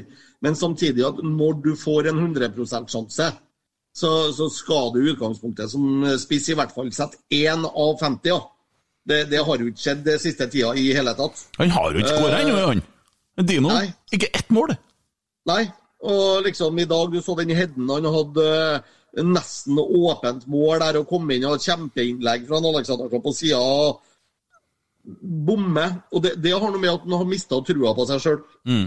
Og da, da er han per definisjon ikke bra nok. Nei, sant. Og er du bra nok, så må du ha noen som er bra. Ja, jeg, jeg, jeg har vært frista til å For det første så likte jeg litt startelveren vi starta med i dag, men jeg har ikke vært redd jeg hvis at en Rallepus har spilt spiss, for han minner meg sånn om en Brattbakk. Det har vært helt i orden for meg i dag, det. Det har vært helt i orden. Han skal bare Ja, putte den, han. jeg, jeg har hørt om folk som sa at hvorfor ble ikke han utleid til Ullkisa isteden? Jo, jo, jeg Det forstår, har noe med økonomi å gjøre. jo, jo, jeg, jeg forstår. Jeg har vært og sett på treninga, og jeg har vært og sett på Rosenborg 2 spilt eh, Vi var jo der, Tommy, da, men da var Ole Sæter dårlig også. Det var ille. Men jeg vet ikke. Nei, faen, vi må begynne å glede oss til neste kamp. Når vi må få opp Det her er jo sjarmen! Det er jo det her som er fotball! Nå er vi ferdig med driten. Nå er neste kamp søndag 4. juli. Hurra, tut og kjør. Trump er borte. Nasjonaldag i USA. Knus Odd. Svart og hvitt. Ja, svart og hvitt blir det uansett. På Ja, det vet jeg. Derfor jeg sier. det. Tar jo aldri feil, sier jeg. Jeg er jo rett attmed Jeg er. Ja, Se der, ja. Jeg Hva er det du venter på? Du kan jo faen meg stille opp og klappe inn guttene utafor. Det var så det var en som gjorde i, på, i Oslo, der Vålerenga spilte. Var en som faktisk for fra en bydel i Du, Oslo. du Tommy Oppdal, Ja. du bruker ikke faen-ordet til meg, du. Du bruker ikke F-ordet til meg. Altså, jeg, jeg kommer tilbake igjen. Unnskyld, far. Unnskyld, far. Kunne De vært så vennlig og reist over til eh, Skien og applaudert guttene inn på stadion? Sim. Simba. Simba, Ja, far. Du har glemt meg. Nå tenker en Kim bare hva faen? Ja. Ja, Der kom jeg med en referanse. Ja. Ja. Nei, vi kunne gjort det på dansk, men jeg får ikke det. Ja. Hakuna Matata. Det er på dansk. Kartaffe. Ja, ja. Du, er lige ved at gøre det, du. Hakuna Matata! Nei, men vi, vi, vi bruker jo å ha Det blir jo ikke noe rot, dagens rotsekk i dag, gjør det det? da? Vi må bare komme oss over det her. Ja, Det er jo det da jo- ban, banens beste, Kim. Jeg, jeg syns faktisk eh, Alexander Tetti fortjener en jente som har Ja. kommet og prata med oss etter kamp, eh, Emil. Å, for å få fram det, da, at eh, Alexander Larsen ropte så høyt over stadion at en Alexander Tetti turte ikke noe, ja? Er det det du skulle si? Ja, han uh, torde ikke å gå i garderoben. nei. Nei, turte ikke å gå forbi Alexander Larsen. Da blir det ramaskrik på Twitter, vet du. Uh, men, men eh, jo, Alexander Tetti var banens beste spiller, han. Ja, han var det. Han var det. det var, Jeg, jeg er helt enig. Jeg står fortsatt på at kjernen var BB, men Tetty Tetti er en god nummer to. Ja, ok. Jo, kjernen, det, det er jo for så vidt Det kan jo være til dagens rotsekk. Det kan jo høre. Mm. Uh, eh, og så har jeg en sånn liten pinlig stillhet på han derre Nå husker ikke jeg navnet, og jeg skal ikke si noen stygge ord, men han Kjempebra. eh, mørk, mørkhuda mannen på Haugesund som eh, filma på nesten egen 16-meter, som eh, drev og datt og lå og rulla og vrei seg.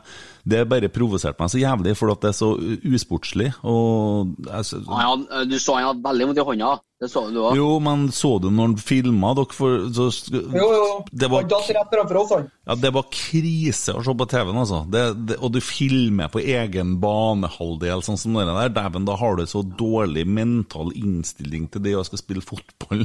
Og det, det, det, det, ah, det provoserte meg sånn. Jeg vet, Kim, vi skal ikke snakke så mye om motstanderen, men akkurat dere syns jeg er drit. Ja, men da tar du den provokasjonen med deg, og så snur du deg til noe positivt til neste match. Ja, jeg hører hva du sier. Jeg tar det med meg. Jeg lærer, jeg lærer. Ja. Yoda har snakka nå. Det er bra, vet du! Det er, du er vår Yoda. Du kan begynne å ha dagens Yoda. Ja, det går an. Ja. Det begynner å nærme seg noe her nå. Jeg vet ikke om dere hører her. Vent litt.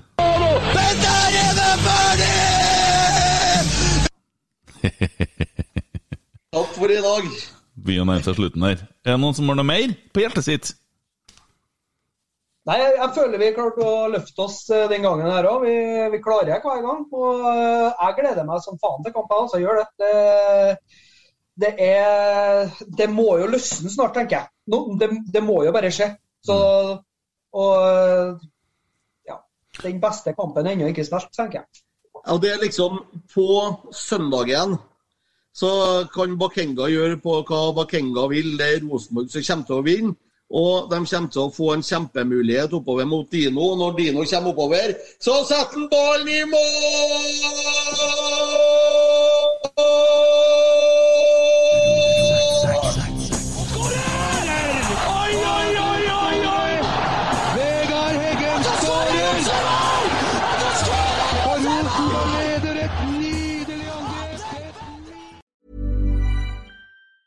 Mom deserves the best, and there's no better place to shop for Mother's Day than Whole Foods Market. They're your destination for unbeatable savings, from premium gifts to show-stopping flowers and irresistible desserts. Start by saving 33% with Prime on all body care and candles. Then get a 15-stem bunch of tulips for just $9.99 each with Prime. Round out Mom's menu with festive rosé, irresistible berry chantilly cake, and more special treats. Come celebrate Mother's Day at Whole Foods Market. Planning for your next trip? Elevate your travel style with Quince. Quince has all the jet setting essentials you'll want for your next getaway, like European linen, premium luggage options, buttery soft Italian leather bags, and so much more. And is all priced at 50 to 80% less than similar brands. Plus, Quince only works with factories that use safe and ethical manufacturing practices. Pack your bags with high-quality essentials you'll be wearing for vacations to come with Quince. Go to quince.com slash pack for free shipping and 365-day returns. Mom deserves the best, and there's no better place to shop for Mother's Day than Whole Foods Market. They're your destination for unbeatable savings, from premium gifts to show-stopping flowers and irresistible desserts. Start by saving 33% with Prime on all body care and candles. Then get a 15-stem bunch of tulips for just $9.99 each with Prime. Round out Mom's menu with festive rosé, irresistible berry chantilly cake, and more special treats. Come celebrate Mother's Day at Whole Foods Market.